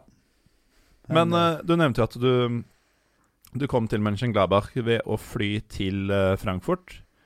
Og du skulle også fly hjem fra Frankfurt. Ja. Og da må man jo nytte høvet, må man ikke det? Til å uh, Til å se litt mer fotball i ja, da. området. Ja, så søndag morgen så tok jeg toget tilbake til Frankfurt. Det var òg et intercitytog, men det gikk en litt annen trasé, så jeg fikk sett litt andre Mm. ting gjennom vinduet. Det er veldig mye fint å si om uh, Tyskland og den delen av Tyskland, men uh, hva man ser ut av togvinduet, er ikke nødvendigvis Nei, eh, det er Og mye av traseen var òg sånn lagt i ei grøft, sikkert for å begrense støy. Du er ikke i Transylvania. Nei. Men det var noe artig for det. Eh, men kom til Frankfurt, uh, hoppa på flyplassen og eh, konkludert med at den første kampen jeg hadde tenkt å se der, var det umulig å komme seg eh, på noe fornuftig måte kollektivt. Så jeg endte med å ta taxi, for det var ikke så innmari langt. Nei. Og taxisjåføren han stoppa der attmed stadion bare Er du sikker på at det er hit du skal? det var litt sånn Han var motvillig mot å slippe meg ut, for det var litt Dette sånn kunne jo ikke stemme. Nei, det var midt i skauen. Mm. Eh, men eh, der var det en fotballbane. Eh, jeg kom ganske tidlig, eh, og der viste det seg at det var et lite vertshus på stadion. Mm. Så eh, da ble det litt chicken nuggets, rett og slett. For avvekslinga sin del. Men det var godt. Og der kunne man sitte inne på vertshuset. Det var ved kortsida av banen, Mm. så jeg kunne ha blitt sittende der. Men Og se kampen. ja, jeg hadde sett ganske mye av den, i hvert Ja. fall. Men jeg gikk ut, og Ja, rett skal være rett. ja, der var det ikke noen tribuner. Og så jeg gikk nå rundt eh, Hva det her var nivå eh, seks? Mm. Germania Svanheim Ikke sant? Du kødder Eh, ikke med dem. Med hjemmelaget da mot eh, Eltvil. Ja. Men når, eh, når du kommer da med taxi til et sånt fullstendig grisgrendt sted, Ja. Eh, hva tenker du om returen to timer seinere? Uh, Har du planer for det? Da hadde jeg jo Jeg skulle jo videre på en annen kamp, så Ja. da skulle jeg den videre samme veien. Mm. Uh, Så da var det Jeg gikk i et kvarter eller noe sånt, og da kom jeg til endestasjonen på eh, ei trikkelinje. Mm. Eh, så det var Og jeg da fant jeg ut at det gikk nok buss der òg, men uten at de rutetidene nødvendigvis hadde passa for meg. Ja. Så det var helt Jeg gikk dit, og så måtte jeg stå og vente i fem Mm. minutter, og så gikk trikken. Så aldri noen fare for å være stranda der ute? Nei da. Uh, så jeg uh, Det var som sagt uh, Jeg havna på trikken. Eh, Nå dreiv jeg og vurderte. Det hadde vært ganske kjipt vær. og Mm. Dreiv og vurderte om jeg bare skulle droppe og dra på neste kamp. Men så fikk jeg motet tilbake på veien Mhm. Og innså OK, Vertshuset ga mersmak? ja, jeg møtte nok sannsynligvis starten på kampen, trodde jeg. Det her var en kamp på nivå sju. Mm. Eh, Men så viste det seg da, når jeg kom fram til stadion, at den kampen før var blitt forsinka, så de var ikke kommet i gang ennå. Så da fikk jeg Mm. med meg hele den eh, kampen òg mellom TSG Niderad og Tyrkischer Sportverein Bad Nauheim. Høres ut som en klubb etter min smak. Ja, jeg tenkte på det, da. Ja. Jeg tenker ofte på deg. Jeg tror det var ganske solide tyrkiske innslag på det hjemmelaget òg, så Mm. eh, Ja, det er jo Tyskland, Ja. så det, det er jo stort sett alle lag, det. Um, altså fem kamper på to dager i, uh, i Tyskland, og Ja. annet på Grensland stadion eller noe sånt. Ja. Da var det jo bare rett og rimelig et par uker seinere så avslutter du eh, fotballåret ditt med kamp nummer 177, 178 og 179 i Nederland. Ja. Da tok jeg helg For jeg hadde òg et mål når jeg starta året i år. Det var at jeg skulle se fotball i alle årets måneder. Ja.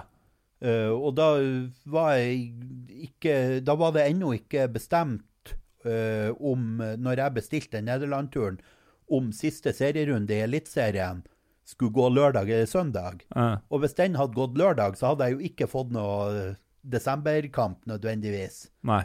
Eh, dermed havna fant jeg ut jeg tar meg en tur eh, til Nederland. Der har jeg aldri vært før, så jeg får et nytt land og eh, Eller jeg har vært i Nederland, men jeg har ikke sett fotball der. Nei, Så da har du ikke vært i Nederland, ifølge de Ja, ikke sant. Eh, så da eh, fløy jeg nedover i fredag morgen og tok eh, bussen til Harlem. Mm. Sjekka inn på hotell der, tusla en tur i byen. Det var drittvær, så det var Jeg fant meg fantastisk god ramensjappa. Ja. Det er mye Altså, denne koloniseringa Ja. som Vesten drev med i gamle dager, det har ført mye dritt med seg. Ja. Men du verden som du kan spise Ja. i de gamle kolonimaktene. Ja, men altså, i dette tilfellet så var det noen eh, Jeg tror faktisk det var noen lokale hipstere Ja. som hadde funnet ut at rammen ramen er bra, vi lærer oss å lage verdens beste ramen. Mm. var liksom målsettinga deres. Og eh, det var ei veldig bra sjappa. Eh, Mm. og så for jeg bare på hotellet og slappa av litt eh, til det begynte å bli kveld. Og da for jeg til eh,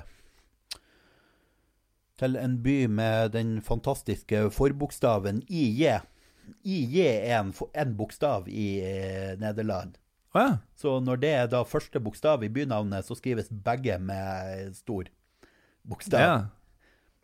Det ante jeg ikke. Nei. De har slått sammen to bokstaver altså, Ja. til, å, til å regne som én. Ja. Nederlendere. Så i, det uttales vel Eim- Eimoiden eller noe sånt. Vet du hva? Det, eh, vi var i Polen i stad. Der er det jo ingenting som uttales sånn som det skrives. Mm. Nei. Uh, Nederland er nesten verre på det. Ja, altså Jeg uh, har nederlandsk tenker at det er på en måte en blanding av de andre språkene rundt Nordsjøen. Mm. Norsk, engelsk, tysk, Ja. litt fransk. Med en uttalevri påvirka av Spania. Vi har jo vært under spansk eh, styre i hundrevis av år. Det er jo en linje i nasjonalsangen som går noe sånn som evig troskap til den spanske kongen. Ja, ikke sant? Men uh, her var det da altså i Eimoiden så uh, så jeg uh, et lag som er oppkalt etter en kommunikasjonssatellitt fra 1963. det kan man òg kalle opp fotballaget sitt etter. En dag så skal jeg ha deg og Lars Skau i studio samtidig. Så kan det være sånn fun fact-konkurranse. Ja.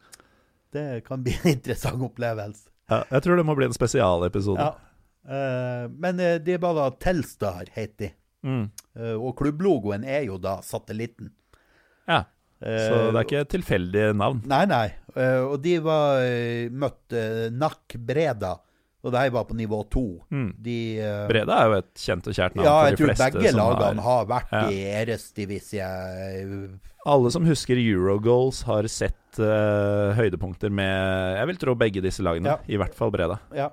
Uh, Breda hadde jo en eh, norsk link òg, Mm. viste det seg. For der spilte sønnen til Ove Røsler. Spiller der nå? Ja, Colin? ja han spilte Ja. kampen. Det var, jeg sjekka en lineup før spa- avspark der han sto på innbytterbenken, men så Mm. etter sidebyttet så så jeg at OK, det har ikke vært noe bytte, men han er på banen.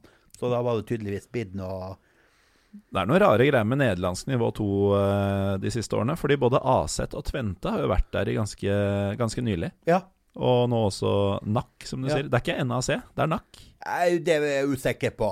Ja, men jeg, jeg mener jeg har hørt at ja. flere av disse uta eller eh, forkortelsene som du ser uh, Nijmegen også. Ja. NEC tror jeg er NEC. Ja. Eh, men det er det sikkert noen andre som vet mer om enn en oss. Men, Eh. eh, så det var nivå to. eh, det var et par tusen tilskuere. Burde vært mer, føler jeg. Ganske Altså, vi Ja. har hørt om klubbene. Ja. Da, da bør det være Men flere det, tilskuere. altså, det er sendt i Det var en ufyselig fredagskveld. Ja. Det regna uh, På stadion her så var det jo to langsider med tak over. Det var bortetribuner der det òg var tak over i den ene kortsida, og så var det ei åpen tribune i den andre kortsida. På den her åpne tribunen så hadde de gratis inngang for barnefamilier. Ja, det er hyggelig. Uh, men det regna så ille etter et kvarter av kampen eller noe sånt, at uh, alle som satt på den tribunen, fikk uh, komme eh, opp på langsida og under tak. For det, det var helt grusomt. Det var, mm. Jeg var så glad jeg satt på den tribunen som hadde vind i ryggen, sånn at det ikke regna inn under taket. For det gjorde det jo selvsagt på motsatt langside. Der sto jo folk og flokka seg helt bakerst på tribuner for å unngå å, å bli eh, gjennomvåt. Ja, men så lenge man har en taktikk. Ja. Um, resten av matchene du så var på sjette nivå, som Ja. seg hør og bør. Ja, jeg hadde jo egentlig planlagt å se to kamper på lørdag. Eh, Men jeg tok da eh, etter, etter kampen på Freskveien får jeg tilbake til Harlem og tok kveld, rett og slett. Mm. Eh, lørdag morgen sto jeg tidlig opp. eh, tok eh, først et tog til Alkmaar, hjembyen til Aset. Mm. Og så tok jeg buss derifra til en by som heter Harlingen. Harlingen ligger da i Frisland, som er på andre sida. Hvis du ser for deg kartet over Nederland, så er det jo en sånn svær sjø midt i landet, Ja. som er en kunstig sjø, for man har bygd et sånn dike. Mm. Så bussen gikk jo da over det diket. Det var liksom en to timers busstur, og en halvtime av kjøringa var på diket da, med Mm. den ferskvannssjøen på ene sida og havet på andre sida, Ja, og ingenting annet, og rett fram. sprøtt. Ja, det var litt spesielt. Friesland Frisland er vel der uh, Heerenveen eh, Ja, ligger. ja. Og deres erkerival Kambur Loivarden kommer jo også derfra. Det frisiske derbyet. Ja. Jeg var i eh, uh, Men jeg kom altså til Harlingen, eh, tilbrakt for, Det viste jeg hadde veldig god tid der, for eh, Google Maps hadde lurt meg litt. Det var Mm. et bussbytte på veien her, og de bussene korresponderte jo, så det var jo ikke noe problem å, Å bytte. å bytte. Men eh, Google Maps hadde lagt inn en time venting der, Mm. så jeg kunne jo ha starta en time seinere fra eh, Harlem. Ja. Da fikk du sett deg litt rundt. da. Jeg fikk sett meg litt rundt i en veldig koselig by, og Frisland er jo gjennomsyra av kanaler. Ja. Det er kanaler overalt, så det var jo eh, kanaler her òg i byen og Mm. i sentrum. Og spiste et eh, bra måltid, og så tusla jeg av gårde til eh, stadion. Fant ut at eh, kampen starta en halvtime seinere enn jeg trodde. Så du har både vært i byen en time lenger enn du trengte, og Ja. kampen går seinere. Ja, og, men da ble jeg jo litt bekymra, for eh, jeg hadde jo som sagt planlagt en kamp til senere på dagen. Mm. Den begynte å henge i en tynn tråd. Jeg, eh, jeg så at hvis jeg går fem-sju minutter før kampen er ferdig her, så når jeg bussen, for det var en times busstur Mm. videre til Snek, eller eh, Snitz, som den het på frisisk, den andre byen jeg skulle til. Harlingen het for øvrig Harnts, eller noe sånt på frisisk. Det er mye mer komplekst eh, også her i Nordvest-Europa Ja. enn en mange tror. Ja, det er det. Uh, men uh, den kampen, det var, der var det folkefest, egentlig. De hadde en sånn fotballens dag-opplegg, så det hadde vært aldersbestemt-kamper hele dagen på andre baner. Så når jeg kom, så fikk jeg jo se slutten på en juniorkamp uh, mens jeg venta. og så hadde de Når jeg hadde kjøpt eh, inngangsbillett der, så eh, fikk jeg med et programhefte med et nummer frampå. Ble forklart at det var trekning på det Mm. nummeret, så jeg måtte uh, følge med på uh, på ei tavle der, så hva, Mm. hva slags nummer som kom opp. Og, Vant du? Ja, det gjorde jeg. Men uh, jeg så noe kamp først. Mm. Uh, litt uti andre omgang så fant jeg ut at jeg måtte begynne å gjøre meg klar til å komme, kunne gå. Så jeg, gikk, jeg hadde fått satt uh, kofferten min inne på klubbhuset. Mm. Uh, Så jeg gikk og skulle hente den, og da gikk jeg og så på den tavla og oppdaget å, der står jo mitt nummer. Så jeg spoler i kiosken der jeg har vunnet. Å, hun forsvant inn for å skulle finne ut hva det var jeg hadde vunnet. Og så kom hun tilbake med en kasse appelsiner. en fantastisk gevinst. Det var jo sikkert sponsa av noe lokalt eh, Ja, ja. butikk eller et eller annet, men helt ubrukelig for meg som Ja, det. var på reise. Kunne ikke ta med meg en kasse appelsiner i kofferten. Så jeg takka uh, høflig og tok med meg to appelsiner Mm. og fikk en boks øh, brus for, uh, som, for tort og svie. Og, Ja. Eh, men så, som sagt, jeg gikk rett før kampen var ferdig. eh, nådde bussen videre. Og så Da hadde jeg jo en times busstur, så da begynte jeg å liksom å planlegge hvordan skal jeg komme meg så raskt som mulig fra busstasjonen til stadion. Mm. Og da oppdaga jeg at den kampen jeg tror jeg er på vei til, den fins ikke. Oh. Den, eh, det laget, Heimelaget de har spilt bortekamp mot noen helt andre tidligere i dag. Oi. Så Hvor da- var glippen? Altså Nei, det var i Groundhopper-appen. Eller Ja. i, de, den terminlista de hadde på den divisjonen, var helt på bærtur. Jeg vet ikke hva som uh... Så glemte rett og slett å, å sjekke Jeg hadde ikke dobbeltsjekka med mange nok andre kilder, tydeligvis. med mange nok. Eh, dagen etter, Marius, vi må nesten haste litt eh, Ja. videre nå, men eh, dagen etter så ser du Legmerfogels Uithorn.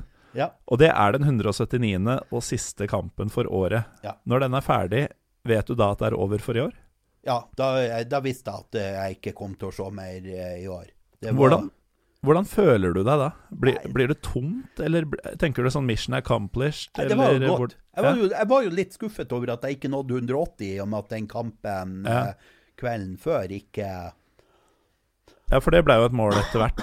Eh, det målet som egentlig hadde vært 150, som hadde blitt justert opp til 170. Ja. Når du først sånn, Men samtidig det går jo ikke an å være misfornøyd med 179. Nei, ikke hvis det er et mål i seg selv Ja. å se så mange kamper som mulig. Men eh, Marius, du har altså, hvis jeg har forstått deg riktig, alle disse 179 kampene har du skrevet blogginnlegg om hver og en av dem. Ja. ja. På janitsjar.net. Nei, på eh, Bombaball. Bombaball. Ja.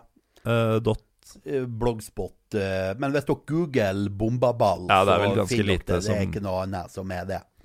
så hvis dere syns Marius har snakka for lite om eh, matchen han har vært på, så er det bare å gå inn og lese mer i detalj om hver og en av de 179 fotballkampene han har sett i løpet av 2019. Uh, hvis du skal trekke Nå har vi snakka veldig mye om reisene dine. Hvis vi skal ta fram én ting du husker spesielt godt fra norsk breddeball i 2019 Det må være eh, rett og slett på Jessheim. Jeg var og så niendedivisjon. Uh, So far, so good. ja, niendedivisjon uh, Akershus. Uh, Sand 2 mot eh, Varpe. Jeg har ikke hørt om noen av klubbene. Nei, Varpe bør du ha hørt om. De er Norges eh, dårligste fotballag. Ja. De, ligger, de kom sist i niendedivisjon Akershus med null poeng. Eh, sånn, så det, det holdt til helt nord i Nittedal kommune. Helt klin inntil eh, grensa mot eh, Lunder, er det vel som blir neste kommune oppover der. Hva er spesielt med denne kampene, bortsett fra at du så Norges dårligste fotballag? Eh, det som var spesielt, var at eh, da kampen starta, hadde bortelaget bare ni mann. Mm. Kvarter... Og det er allerede ræva, Ja. og så er de to mann mindre. Ja. Eh, Kvarter ute i kampen kom eh, nummer ti. Det viste seg å være keeperen. Sånn at han som hadde stått i mål frem til da, kunne gå, ut, kunne gå ut og være utespiller. Eh, og så, eh, rett før pause, kom da eh, en ellevtemann òg. Så i andre omgang var det elleve mot elleve. Så det er jo Men eh, i andre omgang så gikk plutselig dommeren ut på sidelinja. Jeg trodde kanskje han skulle hente seg noe å drikke eller noe. Men nei da. Han tok av seg dommertrøya og tok på seg spillertrøya for heimelaget. I alle dager. Det viste seg at det var en av spillerne til heimelaget som hadde dømt fram til da, så da ble han bytta inn som spiller, og så gikk en annen spiller ut. Og så han tok bare på seg en overtrekksvest og dømte resten av kampen. Herregud. Det er faktisk det merkeligste jeg har opplevd på en fotballbane, tror jeg. Ja, ikke bare i Norge. Ja, det var kjempesært. og det var litt komisk, da, for eh, det kom et nytt eh, nummer av Pondus like etterpå. Mm. Eh, Der han Pondus og han Jokke sitter og snakker om et eller annet sært de hadde opplevd på kamp. Og han Jokke sier 'Jeg visste ikke at det var lov'. Nei. Hvorpå han Pondus svarer 'Jeg er ikke sikker på om det er noen regler i denne divisjonen'. og det, akkurat den følelsen var det jeg òg fikk eh, da når det viste seg at dommeren faktisk var spiller på den kampen. Alt er lov Ja. i niendedivisjon. Ja, det er Akershus. litt sånn. Så lenge man er enig om det, så går det meste greit. Men Marius, du hadde et mål om å nå 150 kamper i år. Du knuste det med nesten 30 kamper ekstra. Hva er målet for 2020? Nei uh, Skal du roe deg ned, eller Ja, skal du overgå deg selv? Nei, jeg skal roe ned. Skal du jeg skal over 100 i eh, 2020 òg, men eh, jeg skal vil overraske meg stort hvis jeg kommer over 150. Men er det noe du sier nå fordi du er mett og har fått det litt på avstand, eh, og, og det vil blusse opp igjen når du kommer litt på nyåret, eller, eller har du bestemt deg? Nei, jeg har ganske bestemt meg. Mm. Det, jeg, skal, jeg kommer nok til å prøve å se kamper i alle årets måneder. Mm. Så, men det avhenger jo litt av at jeg finner en treningskamp i januar. Jeg kommer ikke til å reise utenlands for å se fotball i januar. Mm. Men eh, de fleste Skal være mulig. Ja, de, de fleste bruker å starte med de første treningskampene. Det var jo det jeg gjorde i år. Da var jeg og, så eh, to treningskamper i januar i henholdsvis eh, Raufosshallen og eh, Manglerudhallen. Mm. Da eh, gjenstår det egentlig bare å takke deg, Marius Helga, for at du kom og delte av din eh, ja, ditt litt eh, uortodokse 2019. Ja, det var en glede. Alltid en glede å ha deg med. Ja, takk. Og siden dette er eh, siste ordinære episode før eh, juleferien, vil du si noe? Ja, apropos juleferie. Jeg holder på å glemme det viktigste her. Ja. Jeg har jo lova at jeg skulle gjøre noe som eh, aldri har vært gjort før på norsk podkast. ja, det skrev du på Twitter ja. før vi gikk inn i studio her. Skal vi se hvis... Dette har jo ikke du klarert med meg, så jeg Nei, aner ikke hva Nei, som kommer nå. og det er litt av poenget her. Mm -hmm. uh, skal vi se, må bare scrolle litt i mine gamle tweets her. Ja, Dem er det også en del av. Ja, det kan man vel trygt si. I juni så skrev du en tweet. Nå er den hellige time. Var det i juni? Det var i juni, når Afrikamesterskapet skulle begynne. Ja, da har jeg tydeligvis brukt det flere ganger. Ja. Fordi det var også Europaligasluttspillets Ja. Nei, Ja, gruppespillets men det start. var da du eh, varm, skulle varme opp til Afrikamesterskapet med Petter Bø Tosterud og Stig Ja, for en tid det var. Men da svarer jeg med en eh, sangtekst, Oh. og den tenkte jeg skulle fremføre. nydelig! Ja. Ja, det skal du få Ja, lov til. Så det går jo da på melodien til 'En stjerne skinner i natt', som begynner Mm. med 'Nå er den hellige time'. Så vi får se hvordan det her går. Nå er den hellige time, vi ser på fotballkamp.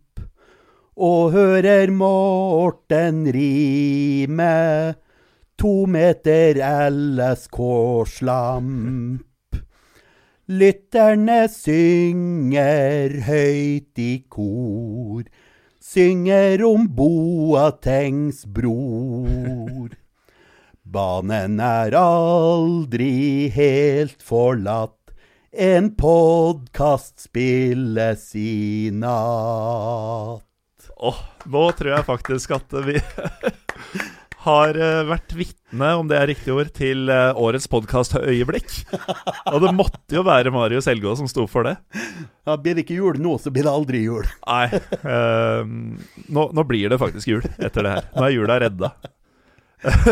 takk, eh, takk for at du kommer og byr på deg sjøl på den måten, Marius. Bare hyggelig. Og um, som jeg var i ferd med å si, siden dette er siste ordinære episode i år, så vil jeg takke alle som har vært med gjennom hele 2019. Både gjester i podkasten, folk som har uh, bidratt på sitt vis med forskjellige ting, om det har vært innspill eller ideer eller uh, kjøp av uh, effekter osv. på pyropivo.com for øvrig. Um, så håper vi på en pangstart også neste år. Fram til og med julaften så vil det fortsatt komme luker i kalenderen, men dette er altså siste hele episode eh, før juleferien. Så i mellomtida, husk å følge Pyro Pivopod på Twitter og Instagram. Da blir jeg, Morten Galaasen, veldig glad. Og til dere lyttere, og til deg, Marius Elgå god jul og godt nyttår.